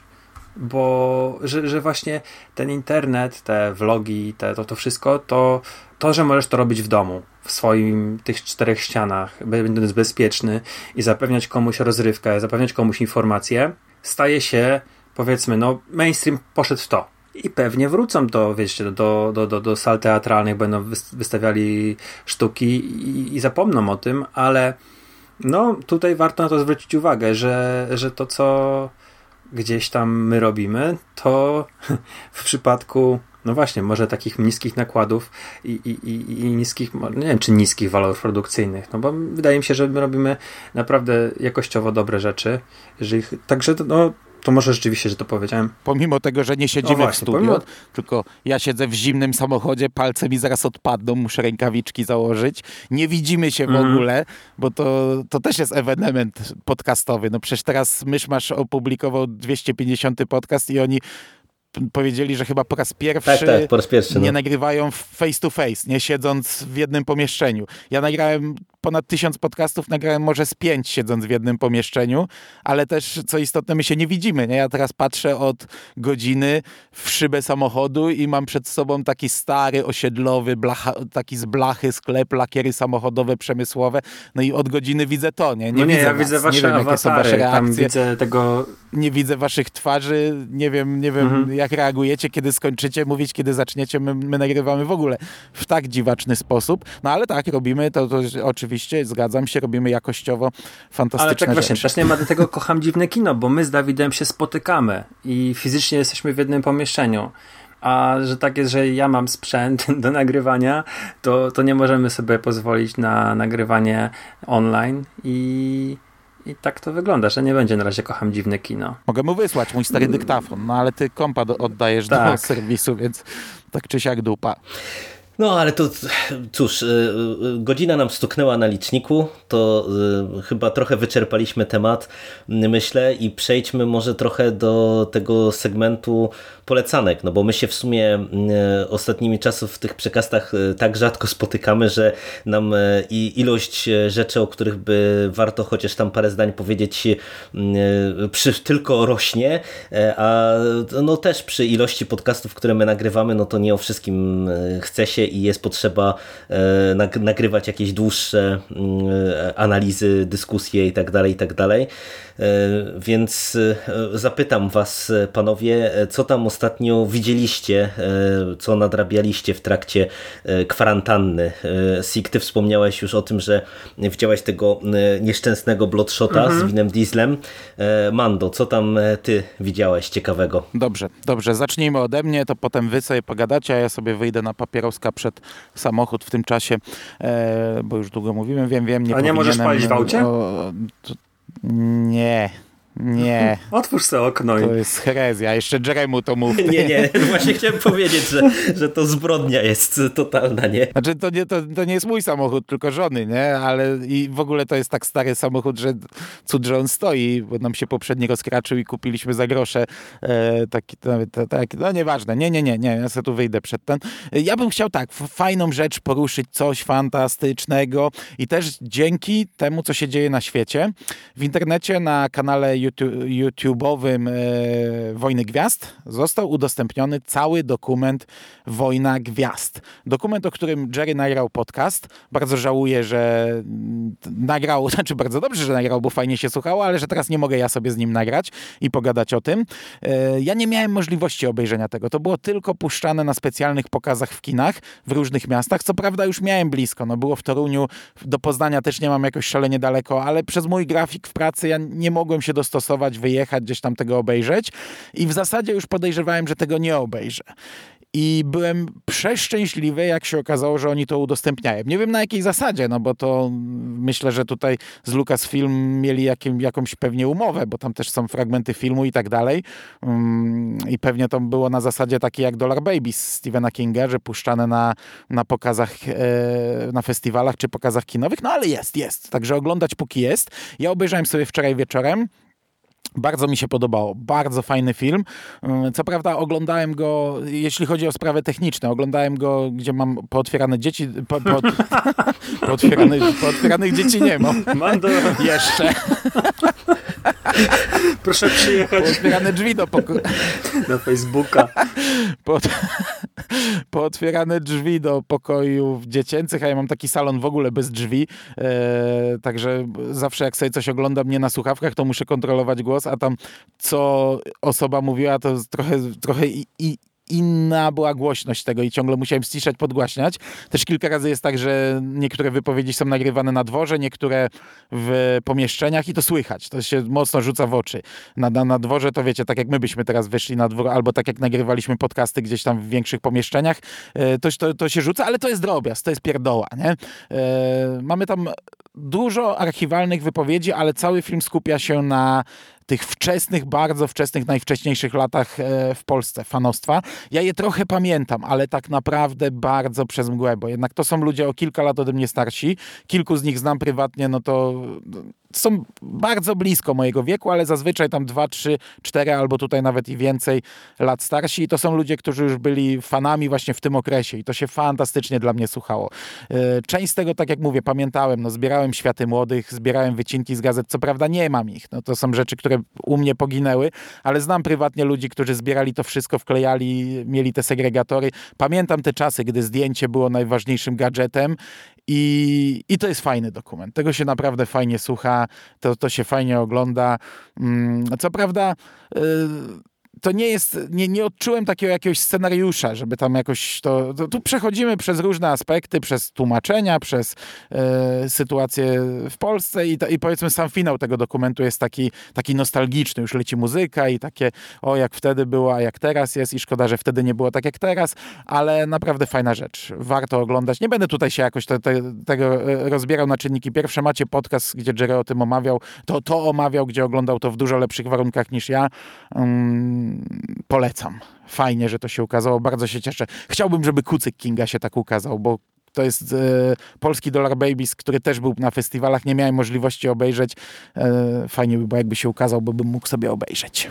No to twórcom hmm. by trzeba było pewnie podpowiedzieć. W sumie do, dobry patent. Ja zapomniałem nawet o istnieniu tego filmu. Można poprosić, żeby no ja wysłał na, na festiwal Kocham Dziwne Kino i, yy, i skoro tam planujecie który się pewnie nie odbędzie. Ale no, ta nie? edycja może się nie odbędzie, no, nie ale wiem, wiesz, yy, następne raczej tak. No ale chciałbym to teraz obejrzeć za dwa lata. No wiem, no lepiej za dwa no, lata niż w ogóle. Ale skoro mówisz, wiesz, o, o dokumencie, to ja tak wyskoczę jak yy, Filip Skonopis yy, z filmem, dokumentem który jest dostępny też na YouTubie, on był w ogóle robiony na YouTuba. E, Biały Wilk, historia komputerowego Wiedźmina, bo gdzieś tam po Wiedźminie mm, serialowym Netflixa ja miałem ten moment, że wróciłem do Siedmioksięgu, przeczytałem sezon Bush, zacząłem znowu sobie grać w trzeciego Wiedźmina, mm, w Gwinta i i tak sobie szukałem materiałów na ten temat, żeby też poszerzyć trochę wiedzę i trafiłem właśnie na ten dokument. On był zrobiony chyba za pieniądze z patronatu. To jest film, um, nie pamiętam teraz y, nazwiska twórcy, ale jest to y, głównodowodzący kanału Archon y, z też strony arhn.eu.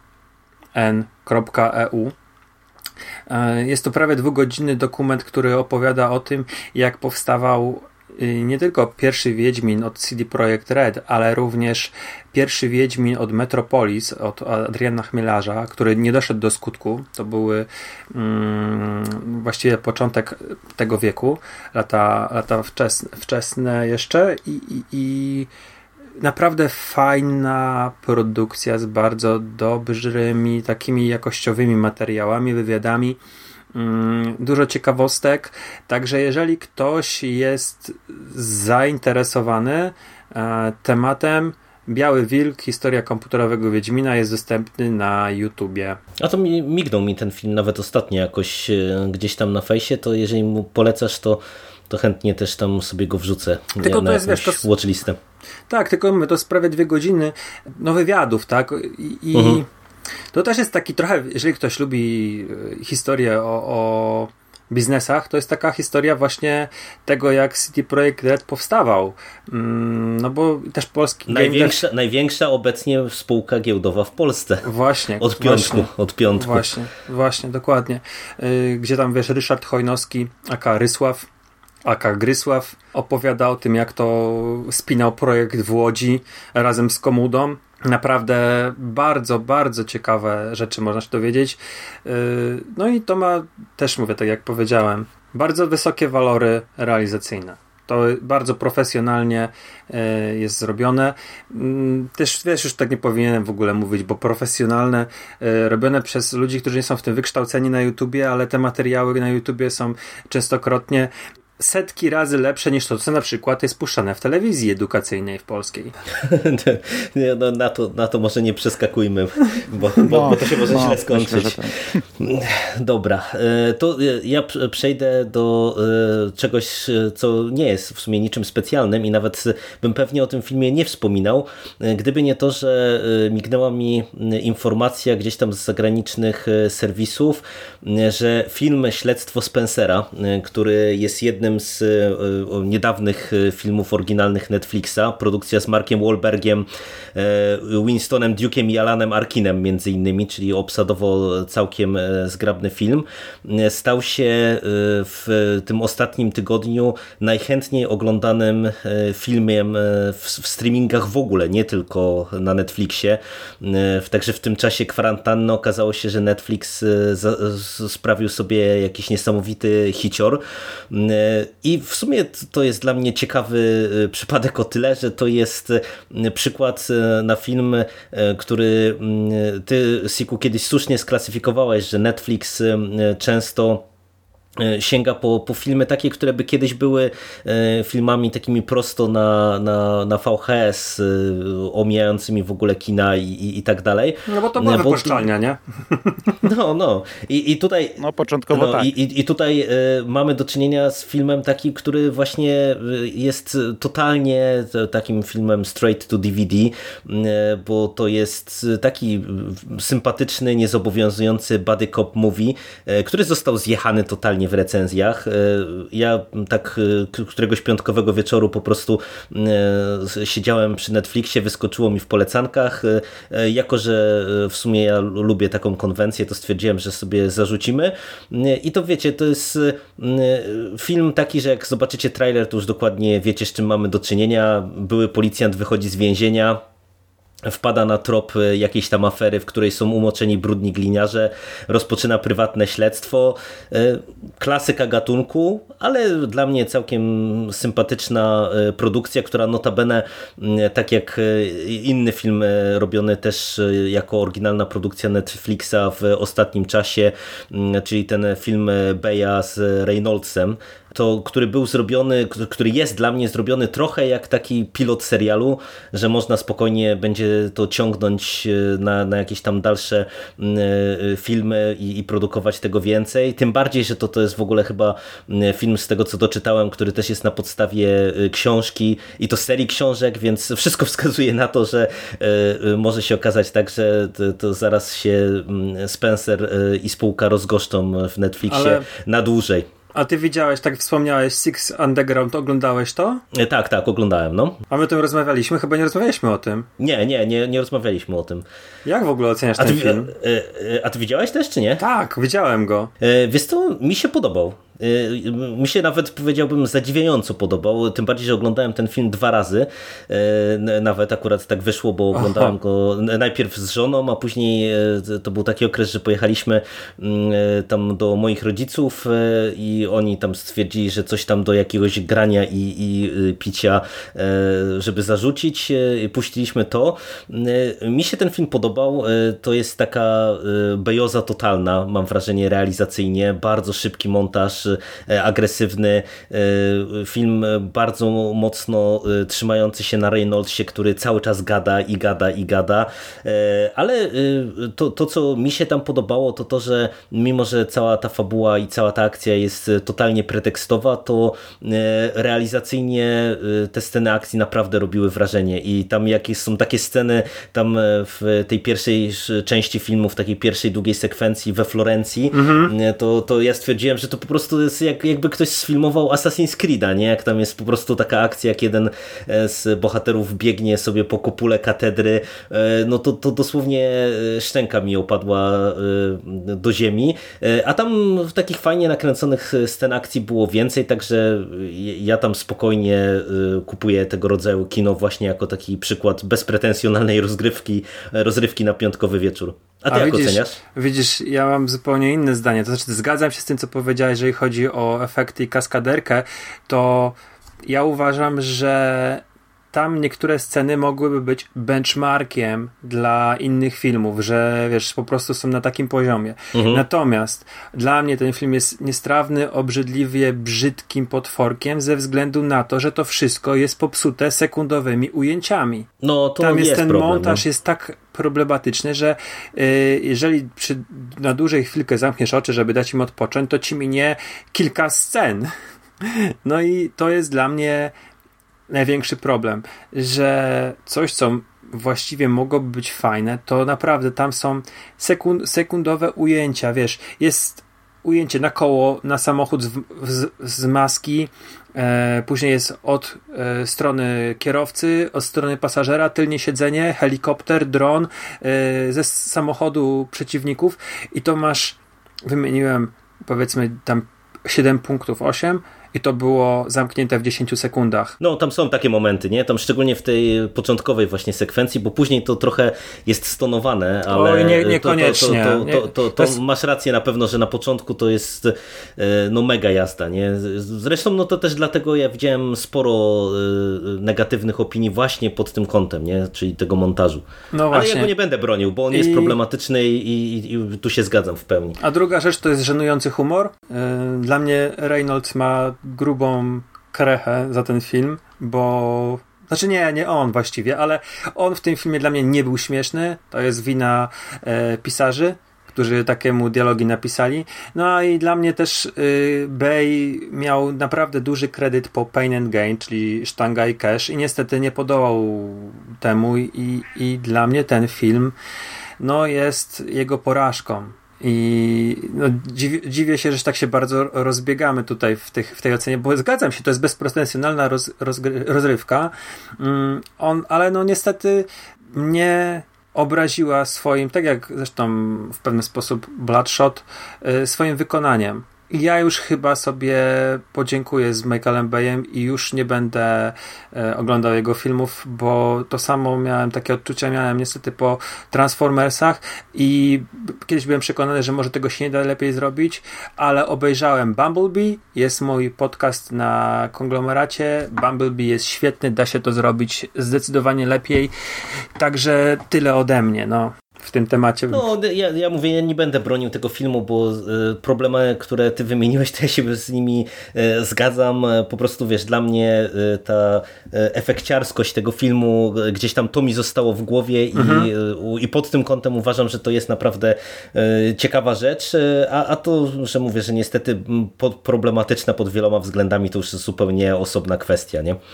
A inna mhm. sprawa, że ja też od Beja trochę odwykłem, bo y, ja w zasadzie Transformersów to nie widziałem od y, dawna, y, bo chyba z tych dalszych po, po trzeciej części to już chyba nie widziałem żadnego, a w międzyczasie on też nakręcił ten Noc w Bengazji, nie pamiętam, co jakieś tam coś jeszcze było w tytule chyba, taki dosyć kameralny film. Z Shią? To był ten film z Shią, tak? Lebów, tak? Mm, Dobrze mówię? Nie, nie, nie, nie, nie, nie, to było z Krasińskim. Aha, w okay. roli głównej.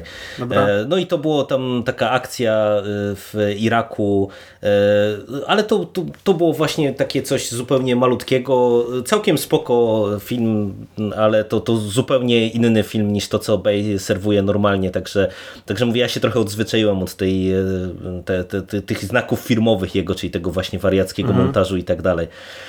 No, ale e, to, to zagadaliśmy e, my trochę słuchaczy. Mando wrócił już chyba z papierosa. E, to Mando teraz tak cza, czas, czas na ciebie. Ja tu już wiele nie mam, nie? Obejrzałem ostatnio w marcu na Netflix wskoczyła długa seria tureckich horrorów. Sitzin. Po polsku to jest Księga Grzechów. To są, mm, to jest sześć części. Obejrzałem pierwszą, ale tak naprawdę z tego co widzę, znaczy od razu mi wyskoczyło, jak wyszukiwałem Sitcin, na mm, Netflixie jest jeszcze druga seria, analogiczna, też sześcioczęściowa, też turecka, też horror. To się nazywa Dabbe, nie wiem jak to się czyta. To jest z kolei chyba o dżinie z tego co widzę. I to są analogiczne serie, bo powstają w tej dekadzie XXI wieku, tak mniej więcej od 2012. Co roku e, szósta część Księgi Grzechów to jest 2019 rok. To Dab, z tego co widzę, ma już na IMDB stronę na siódmą część, ale Mm, no, ona, no, nie ma daty produkcji. A jest, jest, cross, jest crossover jak Sadako kontra Kajako, czy, czy nie ma? Jeszcze chyba nie ma, ale kto wie, nie, nie mam pojęcia, czy tutaj, no nie mam pojęcia jak ta druga seria, ale ją pewnie też sprawdzę. Przynajmniej pierwszą część obejrzę. Bo to Sitcin od razu sobie zapisałem, ściągnąłem od razu wszystkie sześć części, żeby obejrzeć. Obejrzałem pierwszą, wiecie co, to jest spoko horrorek, ale no jakiejś rewelacji tutaj też nie ma. Ogólnie fabuła jest taka głupiutka strasznie.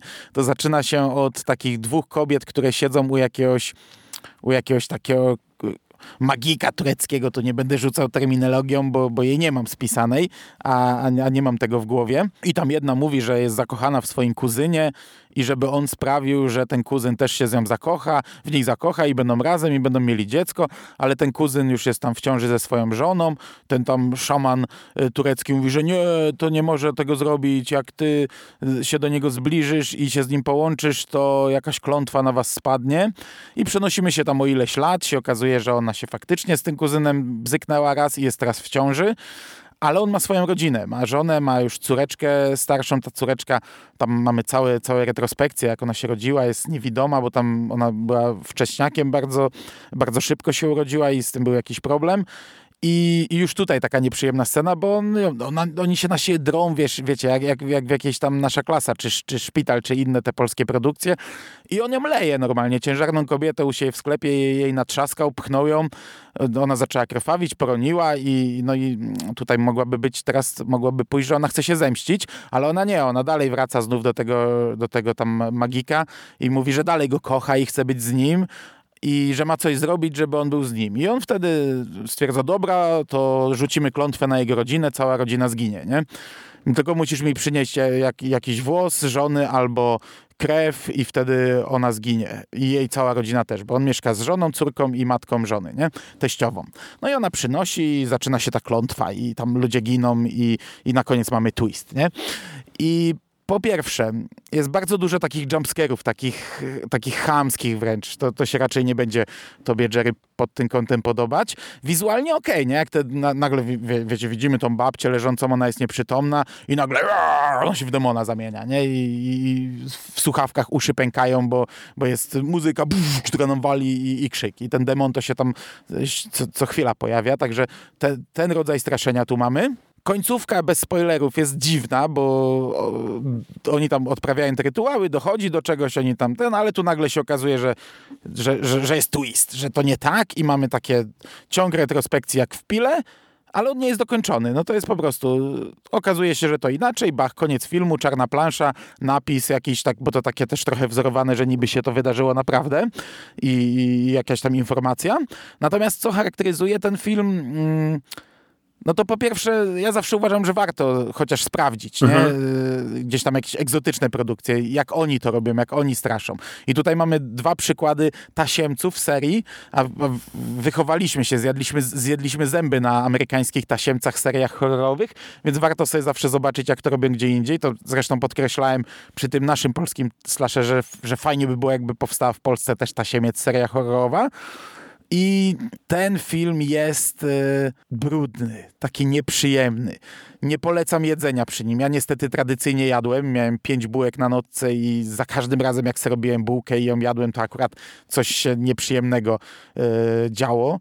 On jest momentami trochę obrzydliwy. Ta cała sceneria, gdzie on odprawia te rytuały jest taka mocno brudna, oni tam zażynają świnie, to wygląda nieprzyjemnie, jak, jak robi tam jakieś wywary w tych garach, to jest obleśne.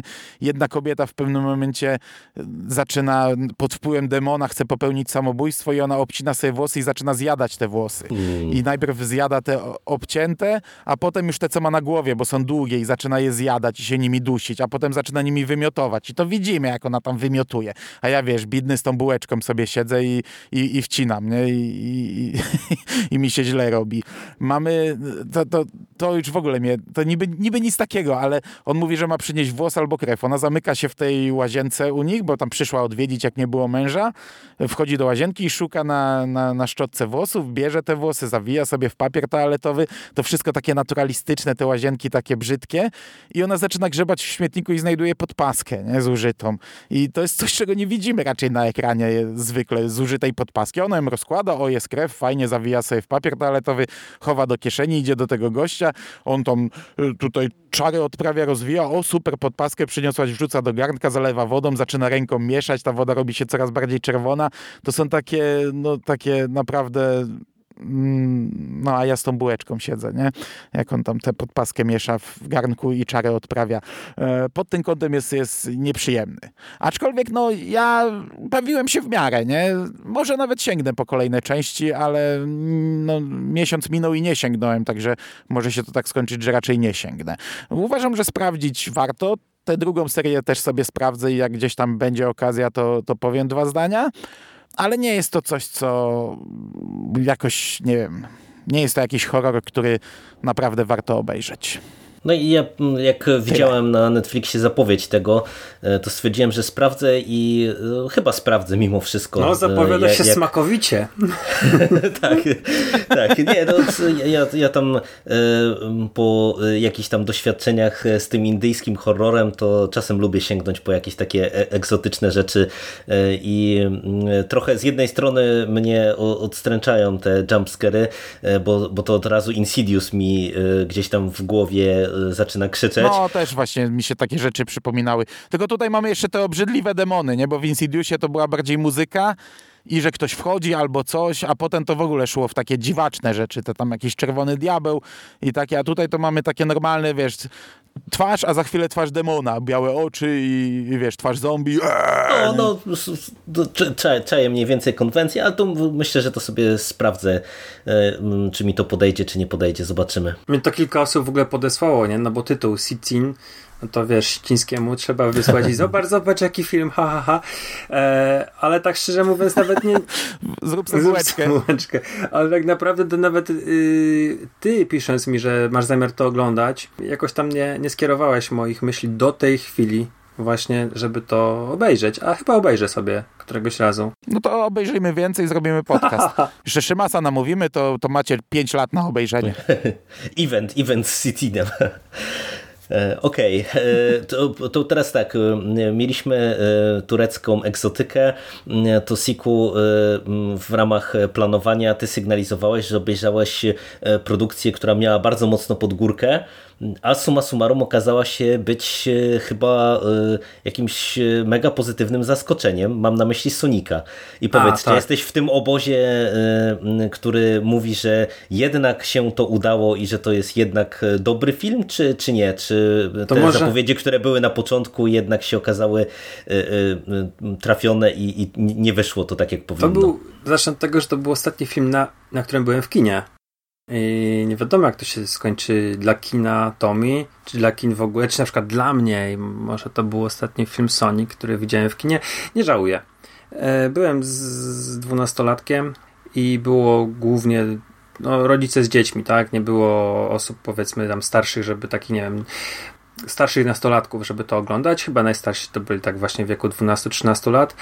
E, okazuje się, że to był bardzo dobry film. Chyba jedna z najlepszych ekranizacji gier komputerowych, tego przeniesienia, może nie ekranizacji, ale przeniesienia gry komputerowej na ekran. W zeszłym roku był ten Pikachu, na którym Mando był z córką, o ile dobrze kojarzę, i, i ten seans nie zaliczę do udanych. A ja mu trochę tak yy, ten film sprzedałem. I uważ... Ale wiesz co, to, nie, to, to też nie dlatego. Jakoś po prostu moja córka czasami źle reaguje na takie, bo na przykład teraz ona ogląda bardzo Pokémony. Mhm. Polubiła bardzo i po tym filmie nawet polubiła. Jak wraca, wróciliśmy do domu, to się bawiła w Pokémony ze mną. Trochę tam próbowałem z grom, ale mi nie wyszło. I teraz na Netflixie ona jedzie z serialem. Tam jest taki chyba dwa, jeden, filmy obejrzała wszystkie chyba, jakie są na Netflixie i, i ogląda serial. E, tam jest dwusezonowy mhm. jakiś jest e, Sun and coś tam, nie Sun pamiętam. Mhm. Także no, to, to akurat może nie podeszło, a tu mi w ogóle przypomniałeś, sorry, że ci jeszcze przerwę, bo ja powiedziałem, że w kina, kina, zamknięcie kin mnie nie uderzyło, ale u mnie w Nakle zamykano kina, zanim to się stało modne, w Chełmie zresztą też przez całe życie tak miałem. U mnie w Nakle zawsze na wakacje zamykali i teraz zamknęli na cały rok, ale to wcześniej jeszcze, w czerwcu. I moja córka w, w lutym, powiem ci, że jarała się okrutnie, bo z przedszkola mieli jechać do kina. I skakała i tu do kina, kino, kino, kino i później wróciłem z pracy i mówię, jak kino, a ona taka rozczarowana, bo to było fakt kino, ale teatr w kinie, nie? I, I mówi, że to nie, to nie był film. No to jej obiecałem, dobra, przyjdzie marzec, już tam pal licho, że nie ma w nakle, jesteś już na tyle duża, jedziemy do Bydgoszczy, wybieramy film w Bydgoszczy, na pewno w marcu pojedziemy. No i, I Sonic byłby, i to w sumie Sonic byłby dobrym wyborem, aczkolwiek on chyba, o ile dobrze kojarzę, yy, grał w lutym. Ja byłem w, no, ale w lutym, wiesz, ja wtedy no. nie, nie miałem za bardzo kasy, to była końcówka mhm. lutego, to mówię, przyjdzie pensja 10 no marca, jedziemy do kina. Było dobrze, a 12 tak. marca zacząłem opiekę. Gdyby wszystko było dobrze, myślę, że Sonic by grał do tego, do tego marca. Yy, po pierwsze jest bardzo ładny ten film. Świetnie zrobione sceny akcji to super, hiper przyspieszenie Sonika, mm, design stworka, y, to cała taka, nie wiem, otoczka doktora Robotnika, czyli postaci, w którą wciela się Jim Carrey, wyglądają super. Drugie, film jest pełen akcji, nie ma w ogóle przystoju. Cały czas pędzi, tak jak zresztą sama nazwa Szybki jak błyskawica. To ten film po prostu miga stryknięciem. Jest zabawny, jest bardzo dobrze napisany. Są żarty, które wyłapują dorośli. Mm, ja wspominałem o tym żarcie, się powtarzam, że ktoś słucha Fantasmagierii, to ja powtarzam się, bo u Damiana mówiłem o tym. Y, Sonic traci przytomność, budzi się i zadaje pytanie, czy Rok został już prezydentem czy The Rock, no. I, I dorośli się zaśmiali, ci co zrozumieli o kogo chodzi, natomiast dla dzieciaków no to nie było oczywiste, tak? Ale takie, takich, takich żarcików jest sporo. Poza tym Jim Carrey, który miał dłuższą przerwę od roli komediowych i ja się za nim naprawdę stęskniłem. Nie pamiętałem o tym, ale on jest kapitalnym aktorem, który gra tak fizycznie, tą swoją twarzą, swoim ciałem. E, tutaj naprawdę zrobił kreację. I było mi szalenie dobrze go oglądać. Szkoda, że z dubbingiem, ale nie będę narzekał. To był jeden z filmów z dubbingiem od bardzo dawna, który obejrzałem. I wiadomo, no byłoby super głos, że ma bardzo charakterystyczny głos, który w połączeniu z tą jego gębą taką plastyczną daje fantastyczne efekty ale i tak było mi fajnie to obejrzeć. Wróciłem do domu, zaraz obejrzałem sobie maskę na Netflixie, bo wpadła e, i tam mogłem sobie go usłyszeć. No ale cały film jest bardzo udany. Uważam, że ma świetny potencjał na serię i myślę, że też to, że posłuchali trochę fanów, zacieśniło tą, tą całą społeczność wokół Sonika i chyba ten Sonic jednak zarobił coś. I mam nadzieję, naprawdę mam nadzieję, że będą kolejne części, bo no mnie się, mnie się szalenie podobało. I tak jak trochę może to dziwnie brzmi, bo kurde, stary koń, 30-paroletni, ale ja mówię w takich kategoriach, że będę mógł na przykład swoją córkę w przyszłości na te filmy zabierać, pokazywać, bo e, one są bezpieczne. On, ten film jest bezpieczny, śmieszny, ładny, no przede wszystkim ładny. To nie jest. Yy tam, tam nie ma naprawdę się według mnie do czego przyczepić. Autentycznie. No Także to, to, wypada, to fajnie, to fajnie. Wypada naprawdę od lat wypada najlepiej z ekranizacji gier komputerowych. Zostawia na pewno, dla mnie zostawia tyle Pikachu, a, który mnie, mnie, mnie, trochę nudził. Tak bym w, w, tutaj te filmy mogłyby konkurować o target i, i, i, być, i są w podobnym takim tonie. Także, a wy w ogóle na czym byliście ostatnio w kinie? Jaki był ostatni film, na którym byliście? A w ogóle jeszcze, no? poczekaj sekundę, moja, moja córka chyba obejrzała tego Pikachu w końcu bo nie wiem, czy on nie leciał gdzieś w telewizji. Chyba gdzieś. na gdzieś HBO chyba poszedł na, Go. A, a, nie na Netflixie? On jest, mi się wydaje, że chyba, a może na Go? Mogła na Netflixie obejrzeć, bo kojarzę, że leciał u mnie w telewizji. Wydaje mi się, że na HBO Go był, ale no nie, nie, nie, nie ma chyba go na Netflixie. Nieważne. Pytasz, na czym byliśmy w No kinie. ostatni film, jakim byliście w kinie, E, no, pamiętacie? Doktor Sen. Aha. A ty, Jerry? A y, ja, kurczę, nie pamiętam teraz, na czym ja byłem w kinie. Hmm. Jak sobie przypomnę, to, To wam smutne. zaraz opowiem. Bo może już nigdy nie No, pójdziesz. może już nigdy nie pójdę. Nie, mam zaćmienie. Ale nie, bo miałem, miałem taki, taki moment, że byłem na kilkunastu filmach w kinie i się zastanawiam, co było ostatnie, bo miałem taki tydzień, e, że sprzedaliśmy dzieciaki na ferie i byliśmy e, trzy razy w kinie. Byłem na Bad Boysach, na mm, e, Jojo Rabbit i coś, coś jeszcze byliśmy. Zaraz sobie Na przypomnę. noże! Na noże, właśnie. Knives, Knives Out. Widzisz, przecież mieliśmy podcast nagrywać i o, i o tym zapomnieliśmy. No to i tak, jako, i ostatni to był chyba Na na, szczęście Skóra Knife, nagrał. Knives Out, e, czyli na noże, to chyba był ostatni film z tej trójki, bo to tak, to, to on kończył nam ten maraton taki kinowy. No Ja w tym roku jeszcze nie byłem w kinie. Jak w Gwiezdnych Wojnach nie byłeś w tym roku w kinie? Nie, no to A, a no faktycznie. A, tak, no, nie, nie, nie, byłem, byłem, byłem, byłem, no na pewno byłem. No rzeczywiście, dobra, to mam dwa, 2020 odhaczony. No to by, ej, no to co ja gadam, że na, sorry, to ja bez sensu mówię. Doktor Sen był Wcześniej, przecież w no. zeszłym roku, przed, no, przed Gwiezdnymi Wojnami. No to Gwiezdne Wojny, no to chociaż, chociaż nie były to najlepsze Gwiezdne Wojny, to przynajmniej, przynajmniej finisz gwiezdnowojenny. No dobra, to teraz może coś ode mnie. Y, Z, pozostaniemy w lżejszych y, klimatach. Y, Ja sięgnąłem całkiem niedawno, w sumie przez też ten przypadek, po komedię. Taki był kiedyś cykl w przekaście Jerry ogląda komedię. To się rzadko Jerry kończyło idzie na dobrze. komedię. Tak, Jerry idzie na komedię. To się rzadko koń- kończyło dobrze, mm, ale y, tym razem się zakończyło wyjątkowo dobrze. Y, Obejrzeliśmy z żoną y, Blockers, czyli Strażników Cnoty. Film wyprodukowany przez Goldberga i Rogana, czyli panów, którzy już zrobili mm, sporo razem wariackich komedii. Wyreżyserowany przez Kikanon. Mm, To jest pani, która jest też w komedii, pracuje od dawna. Ona pracowała między innymi przy mm, Plaza 30 Mm, i to jest e, film, który mnie zaskoczył i to bardzo, bardzo pozytywnie, e, bo to jest e, teoretycznie taka dosyć sztubacka komedia o młodzieży, którzy, która zawiązuje pakt, że stracą cnotę w trakcie balu kończącego liceum. Tutaj jeszcze, żeby dodać pikanterii temu wszystkiemu, e, to ten pakt zawiązuje e, trójka dziewczyn. E, No i rodzice dowiadują się o tym i jako nadopiekuńczy, nadopie- nadopiekuńcze grono po jednym rodzicu z ka- każdej dziewczyn decydują się im uniemożliwić zrealizowanie tego paktu. I ten film jest moim zdaniem kapitalny, bo on z jednej strony jest autentycznie zabawny y, i to jest zabawny na wielu poziomach, bo jest sporo żartów takich m, naprawdę y, niskich lotów teoretycznie i w praktyce, bo mamy i genitalia w kadrze i sceny takie mocno przegięte i mamy picie piwa tyłkiem i innego tego rodzaju elementy. Takie, no mówię, no z komedii, które możemy kojarzyć właśnie tych wszystkich takich, wiecie, bardziej sztubackich, jakichś tam e, na, na połowę erotycznych e, komedii, których po e, American Pie powstawało na pęczki. Ale ten film e, ma dużo e, humoru też takiego e, cieplejszego i, i takiego delikatniejszego, a przede wszystkim jest szalenie, ja bym powiedział, mądry Zgadzam się. w, w portretowaniu i młodzieży, e, i problemów młodzieży w, i, w, i kwestii seksualności młodzieży.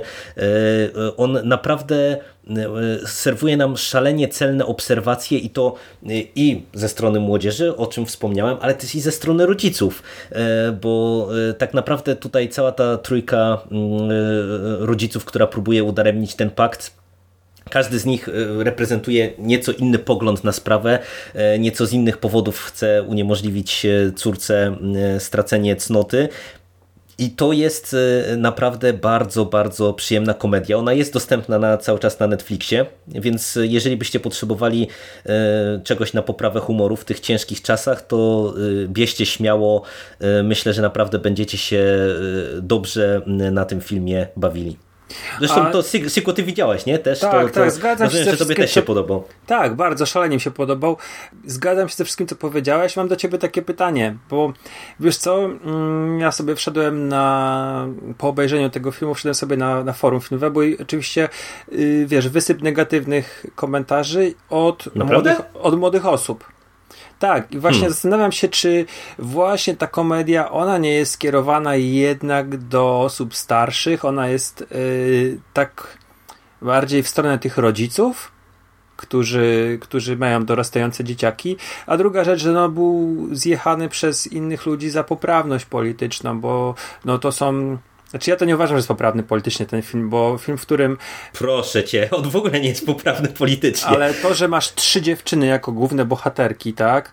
I jedna z nich jest jeszcze lesbijką, się jak okazuje, to już dla wielu ludzi jest jak ciała, jak płachta na byka. Ale nie, ale, ale, ale przecież to, to jeżeli, przepraszam, że ci wpadnę w słowo, ale jeżeli ktoś serwuje tego rodzaju argumenty, to znaczy, że w ogóle nie widział tego filmu, bo Albo to, go że nie mamy do zrozumiał. czynienia, albo go nie zrozumiał, bo przecież to, że mamy do czynienia z dziewczynami e, na pierwszym planie, to jest tak naprawdę jeden z kluczowych aspektów tego filmu e, i on jest szalenie istotny tak naprawdę fabularnie, e, dlaczego to są dziewczyny, a nie chłopacy, bo po prostu gdyby to była trójka chłopaków, to w ogóle nie byłoby sprawy, o czym film mówi wprost, nie z ekranu.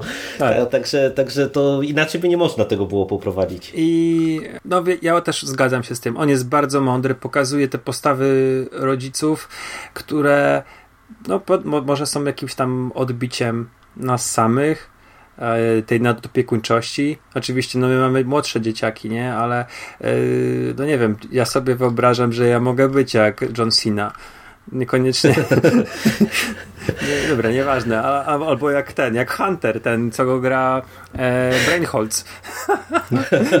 Znaczy ja tak mam No. nadzieję, że nie skończę, bo, bo ale, ale, ale on naprawdę je- je- zapewnia mm, świetny humor i to jest gościu, którego ja szalenie polubiłem e, w Sąsiadach. Mm, też takiej mocnej komedii. I, I tutaj też ma niektóre teksty i niektóre y, sceny po prostu rewelacyjne.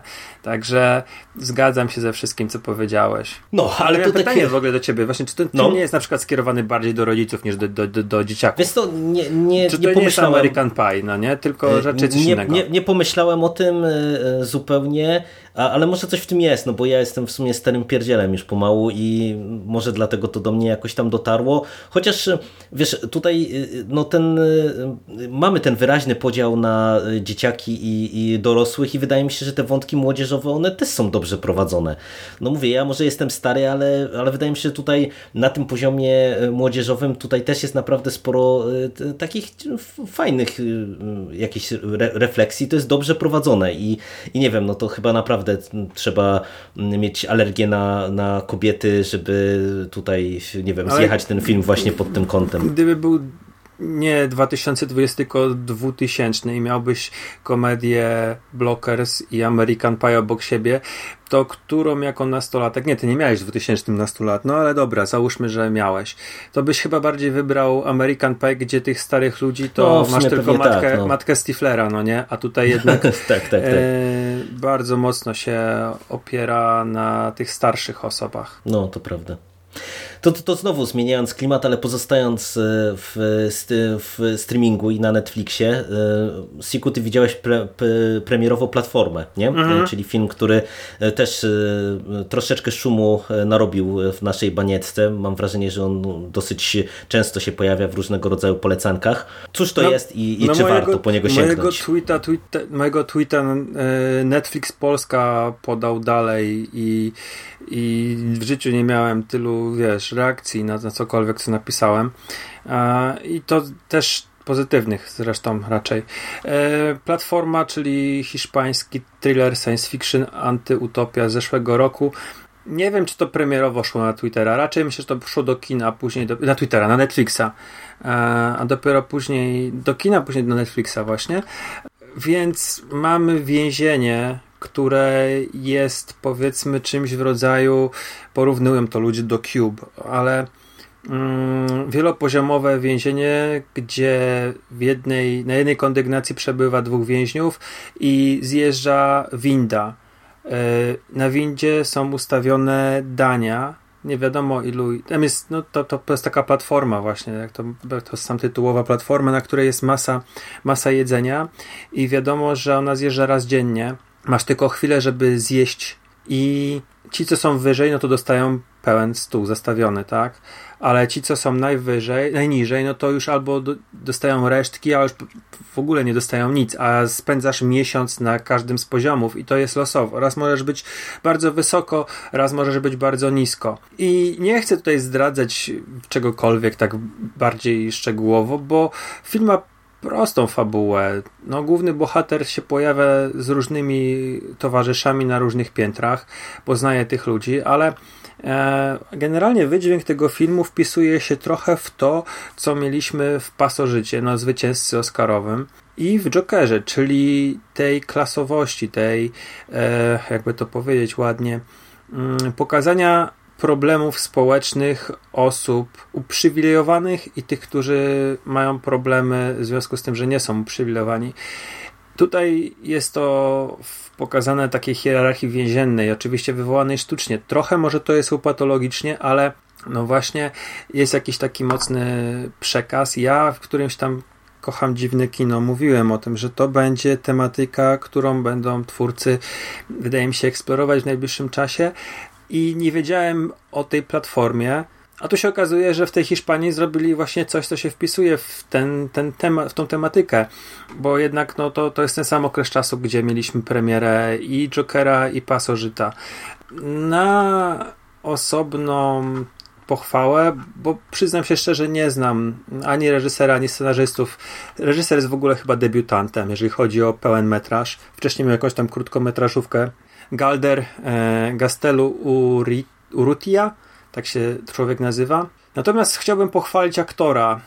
I tutaj pewnie znowu trochę pokaleczę jego nazwisko. Ma na imię Iwan, e, nazwisko Masa Masagui, jest to Hiszpanem i ja go nie mogłem na początku skojarzyć, bo, bo morda no znajoma, a nie wiem, czy, czy oglądaliście taki serial El Barco. El Barco. Statek nie. po polsku. Nie. To był taki serial o załodze właśnie no, tytułowego statku. Był na morzu razem z uczniami, mm, bo to był taki szkoleniowy statek. W momencie, kiedy w Genewie uruchomiono akcelerator cząsteczek. I prawdopodobnie ci, co właśnie byli na tym statku, ci, co byli na morzu, byli jako jedyni przeżyli. Jeżeli ktoś tam będzie miał do tego dostęp, to polecam, bo bardzo, bardzo fajny serial hiszpański. I nawet drugi raz tą platformę, bo oczywiście wszedłem na IMDB i nie znalazłem z czego go kojarzę. I drugi raz zacząłem oglądać i mówię, nie no, twarz znajoma, nie? I, i szukałem, i szukałem i w końcu sobie przypomniałem, że Iwan grał w serialu, który mi się kiedyś tam bardzo podobał. A wiecie w ogóle, że on ma na imię Iwan, jest Hiszpanem, nie? I to jest zabawna sprawa, bo poznałem kiedyś Meksykanina, czy Meksykańca, nie wiem jak to, czy, czy się to poprawnie mówi, e, który też miał na imię Iwan ale był z Meksyku facet i zadałem mu to pytanie, mówię, słuchaj, dlaczego masz takie, wydawałoby się, no, tak mi się wydaje, że no nieprzystające do tej latinoamerykańskiej y, części świata imię. I on powiedział, że mieli kiedyś y, bardzo popularną operę mydlaną, serial z Rosji, który był właśnie nadawany w krajach hiszpańskojęzycznych i tam jeden z głównych bohaterów miał na imię Iwan i stąd to imię, tam bardzo dużo Iwanów było e, w Meksyku. I też możliwe, że z tego samego powodu e, mamy tego Iwana tutaj. A to taka, taka bardzo, bardzo duża dygresja i ciekawostka. Bo ja też mam na przykład po, akto, po postaci z filmu nazwisko, imię, nie? Swoje. W sensie, że no, Rafał? No tak mam na imię. Ale to nic nadzwyczajnego, no, no nie? nie? No bo wiesz, no, niektórzy dają, bo imię im się podoba, mojej mamie się podoba postać w serialu Popioły i, e, i tak mam. To fajnie. Ale polecasz, rozumiem, platformę. Tak, polecam. Bardzo dobry, dobry film. Tylko, że wiesz, to jest też tak, że mamy taki okres, jakby nie patrzeć, no dosyć dołujący i ten e, film jest, no ma gorzki, gorzki wydźwięk, gorzki posmak. Dlatego wydaje mi się, że mo, może osoby, które mają, tak jak zresztą samo mówiłem przy okazji Bastionu, może mają trochę gorszą samopoczucie, mają mm, jakiś taki no, słaby nastrój, żeby go nie włączały, bo no, różnie może być, tak? Lepiej sobie takie wesołe, takie rzeczy jak właśnie y, Strażników Cnoty oglądać niż, niż Platformę, aczkolwiek wam obu też polecam, bo film jest, jest dobry, no. Jest, jest ciekawy wizualnie i nie jest jakoś e, długi, bo chyba półtorej godziny. I może nie ma jakiegoś tam wielkiego napięcia, ale jest niegłupi. No dobra, dobra, okej. Okay. E, no to, to znowu, tak dzisiaj e, temat, e, skaczemy sobie po tematach i, i, naprawdę mamy rozstrzał bardzo duży, jeżeli chodzi o filmy, o których mówimy. Ja na koniec bym chciał powiedzieć o produkcji familijnej, polskiej, też dostępnej na Netflixie, czyli Za niebieskimi drzwiami. To jest film, o którym ja słyszałem sporo dobrego w momencie, kiedy on miał swoją premierę. Zgarnął sporo nagród. Sięgnąłem po niego z oczywistych względów, bo e, wiecie, dzieciaki w domu, e, które też słabo znoszą już to siedzenie na kwarantannie e, i już chciałem je oderwać od seriali kreskówek, które normalnie oglądają. Stwierdziliśmy, że zarzucimy film familijny mm, i to okazało się, że to jest film, który z jednej strony im się spodobał, z drugiej strony ich mocno straumatyzował, mm, a mnie dosyć zdziwił. To jest historia mm, chłopaka, który y, ulega wypadkowi samochodowemu wraz z matką. E, matka mm, no, jest w śpiączce, on e, wychodzi mocno połamany e, i trafia pod opiekę ciotki mm, do takiego pensjonatu i jak się okazuje wkrótce mm, za tymi tytułowymi niebieskimi drzwiami znajduje przejście do jakiegoś takiego tajemniczego świata. Takiej jakiejś dziwnej krainy, która z jednej strony jest na na, początku jakby taka idylliczna, jakaś taka, wiecie, piękna łąka, niebieskie niebo i tak dalej, i tak dalej. On dodatkowo tam spokojnie może się poruszać o własnych siłach, bez kuli i tak dalej, więc, więc coś, do czego go z automatu ciągnie. Natomiast e, szybko się okazuje, że w tej krainie za tymi niebieskimi drzwiami no, czai się nie tylko ta, ta, ta przyjemna sfera, ale także e, pewne e, niepokojące rzeczy, pewna niepokojąca postać, tak zwany krwawiec, e, który no, ma jakieś ukryte intencje. No i ja wam powiem, że w sumie sięgając po ten film, to nie wiedziałem do końca czego się spodziewać. Wiedziałem, że to jest ekranizacja powieści dla dzieciaków, dla młodzieży, mm, ale no, nawet nie, nie sprawdziłem dokładnie, z czym będziemy mieli tutaj do czynienia.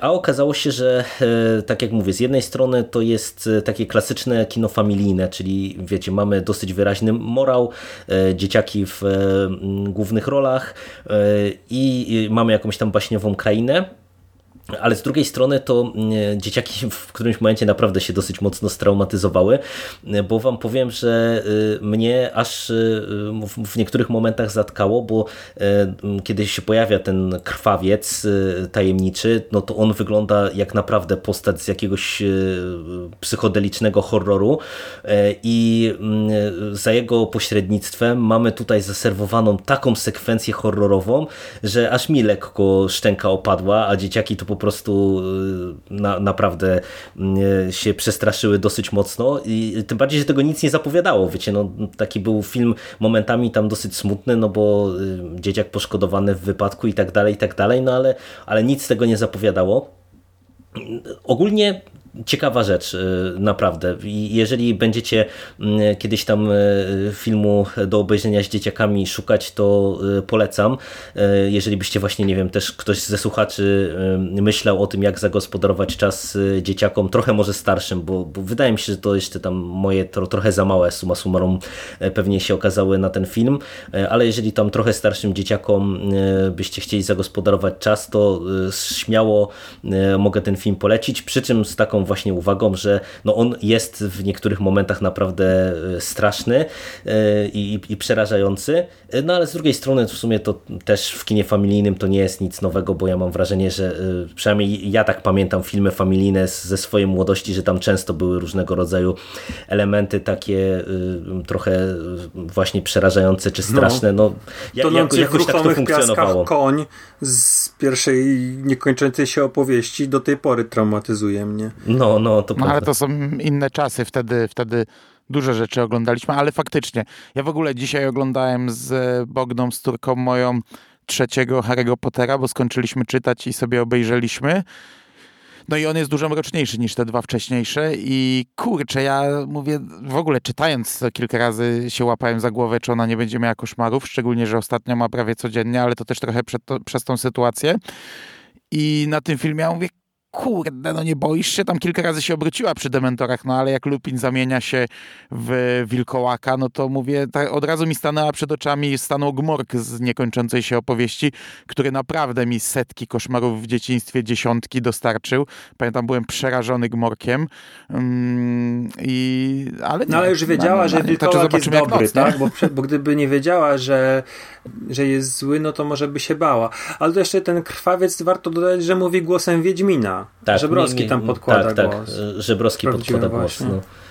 Ale na, naprawdę, to jak e, byście byli zainteresowani, to wam nawet mogę zapodać e, sam, samą sekwencję, e, to już prywatnie tam wam wrzucę e, do, do obejrzenia, bo to jest naprawdę coś, czego się nie spodziewałem, tym bardziej, że tyle się mówi właśnie o tym, że e, polskie kino nie umie w gatunkowość i tak dalej, a tu takie coś to No, wow. ja jeszcze z dzieckiem długo, długo, bo, bo Lilka się boi na scenie, jak oglądamy, wiecie, Krainę Lodu, to na scenie jak sanie gonią wilki, to Lilka już Mhm. ucieka i chowa się to już jest dla niej za dużo. Mówi Nie, nie, nie. i wychodzi. To, to, to, Także nie, tu, tu, nie tu, to zdecydowanie je- jeszcze, jeszcze nie ten poziom, ale to dla mówię, dla takich y, star, starszych trochę dzieciaków to, to jak najbardziej warto sprawdzić. No i cóż, i tym, tym akcentem chyba będziemy kończyć, bo y, dwie godziny nam na liczniku wybiły, u nas już po północy y, się zrobiło. Mieliśmy plan y, dużo dłuższy, ale to tak jak zwykle w przekastach często tak bywa, że, że plan jest dłuższy, ale się trochę rozgadujemy. Y, Postaramy się dla Was y, nagrać jakiś kolejny odcinek właśnie z takimi szybkimi polecankami y, w najbliższym czasie. Y, Tym bardziej, że nam się miło rozmawia w tych trudnych czasach i mając też na uwadze, że pewnie wszyscy siedzimy mniej lub więcej w domach, no bo też wiele osób przecież niestety cały czas jest skazana na pracę i musi się ruszać z domu, ale to, żeby uprzyjemnić Wam też jakoś czas, to postaramy się właśnie kolejną porcję e, polecanek dostarczyć. A e, za dzisiejsze nagranie dziękujemy wszystkim słuchaczom i słuchaczkom. Dzięki panowie, super, że się udało spotkać w takim trzyosobowym gronie. Tak jak Dzięki, Mando powiedziałeś dzięki. na początku, dawno tego nie było i ja już się stęskniłem za taką rozmową w większym gronie tak naprawdę. W ogóle człowiek No, się pamiętam, jak stęsknił za rozmową z, Jak, z kimś poza Pamiętam, jak domownikami. pierwszy dwuosobowy przekaz wy nagraliście, ten przeklęty, to ja tak, znaczy cieszyłem się, że w końcu znów nagraliście przekaz, ale mówię, kurde, no przekasty nigdy nie miały być dwuosobowe, nie? Jak zaczynaliśmy to robić, to mówiliśmy, że to takie łatwe będzie. Mamy w ogóle taką ekipę, że ja pamiętam na początku to planowałem dwa równolegle kręcić, yy, nagrywać, wiesz. My we trzech tutaj, a Szymas na przykład z Bogusią i ze Skórą drugi, żeby nagrywali w tym samym czasie, a tu się tak potoczyło, jak się potoczyło, ale no miło było się spotkać i może się jeszcze uda w jakimś najbliższym czasie, bo pewnie jeszcze trochę sobie w tych domach posiedzimy niestety. No, a cały czas coś oglądamy, więc e, no trailerów zbyt wiele nie ma nowych, bo, bo nic się nie zapowiada, więc jeśli jakieś przekasty powstaną, to znów pewnie w tym stylu. E, Może trochę wtedy wejdziemy w seriale, czy w komiksy, czy w książki, czy w coś innego. Dzisiaj na filmach się skończyło, no bo trochę się rozgadaliśmy na początku, także, e, także no, także fajnie było. Dziękuję bardzo No, i do usłyszenia. dzięki, dzięki. Cześć panowie. Cześć. Cześć.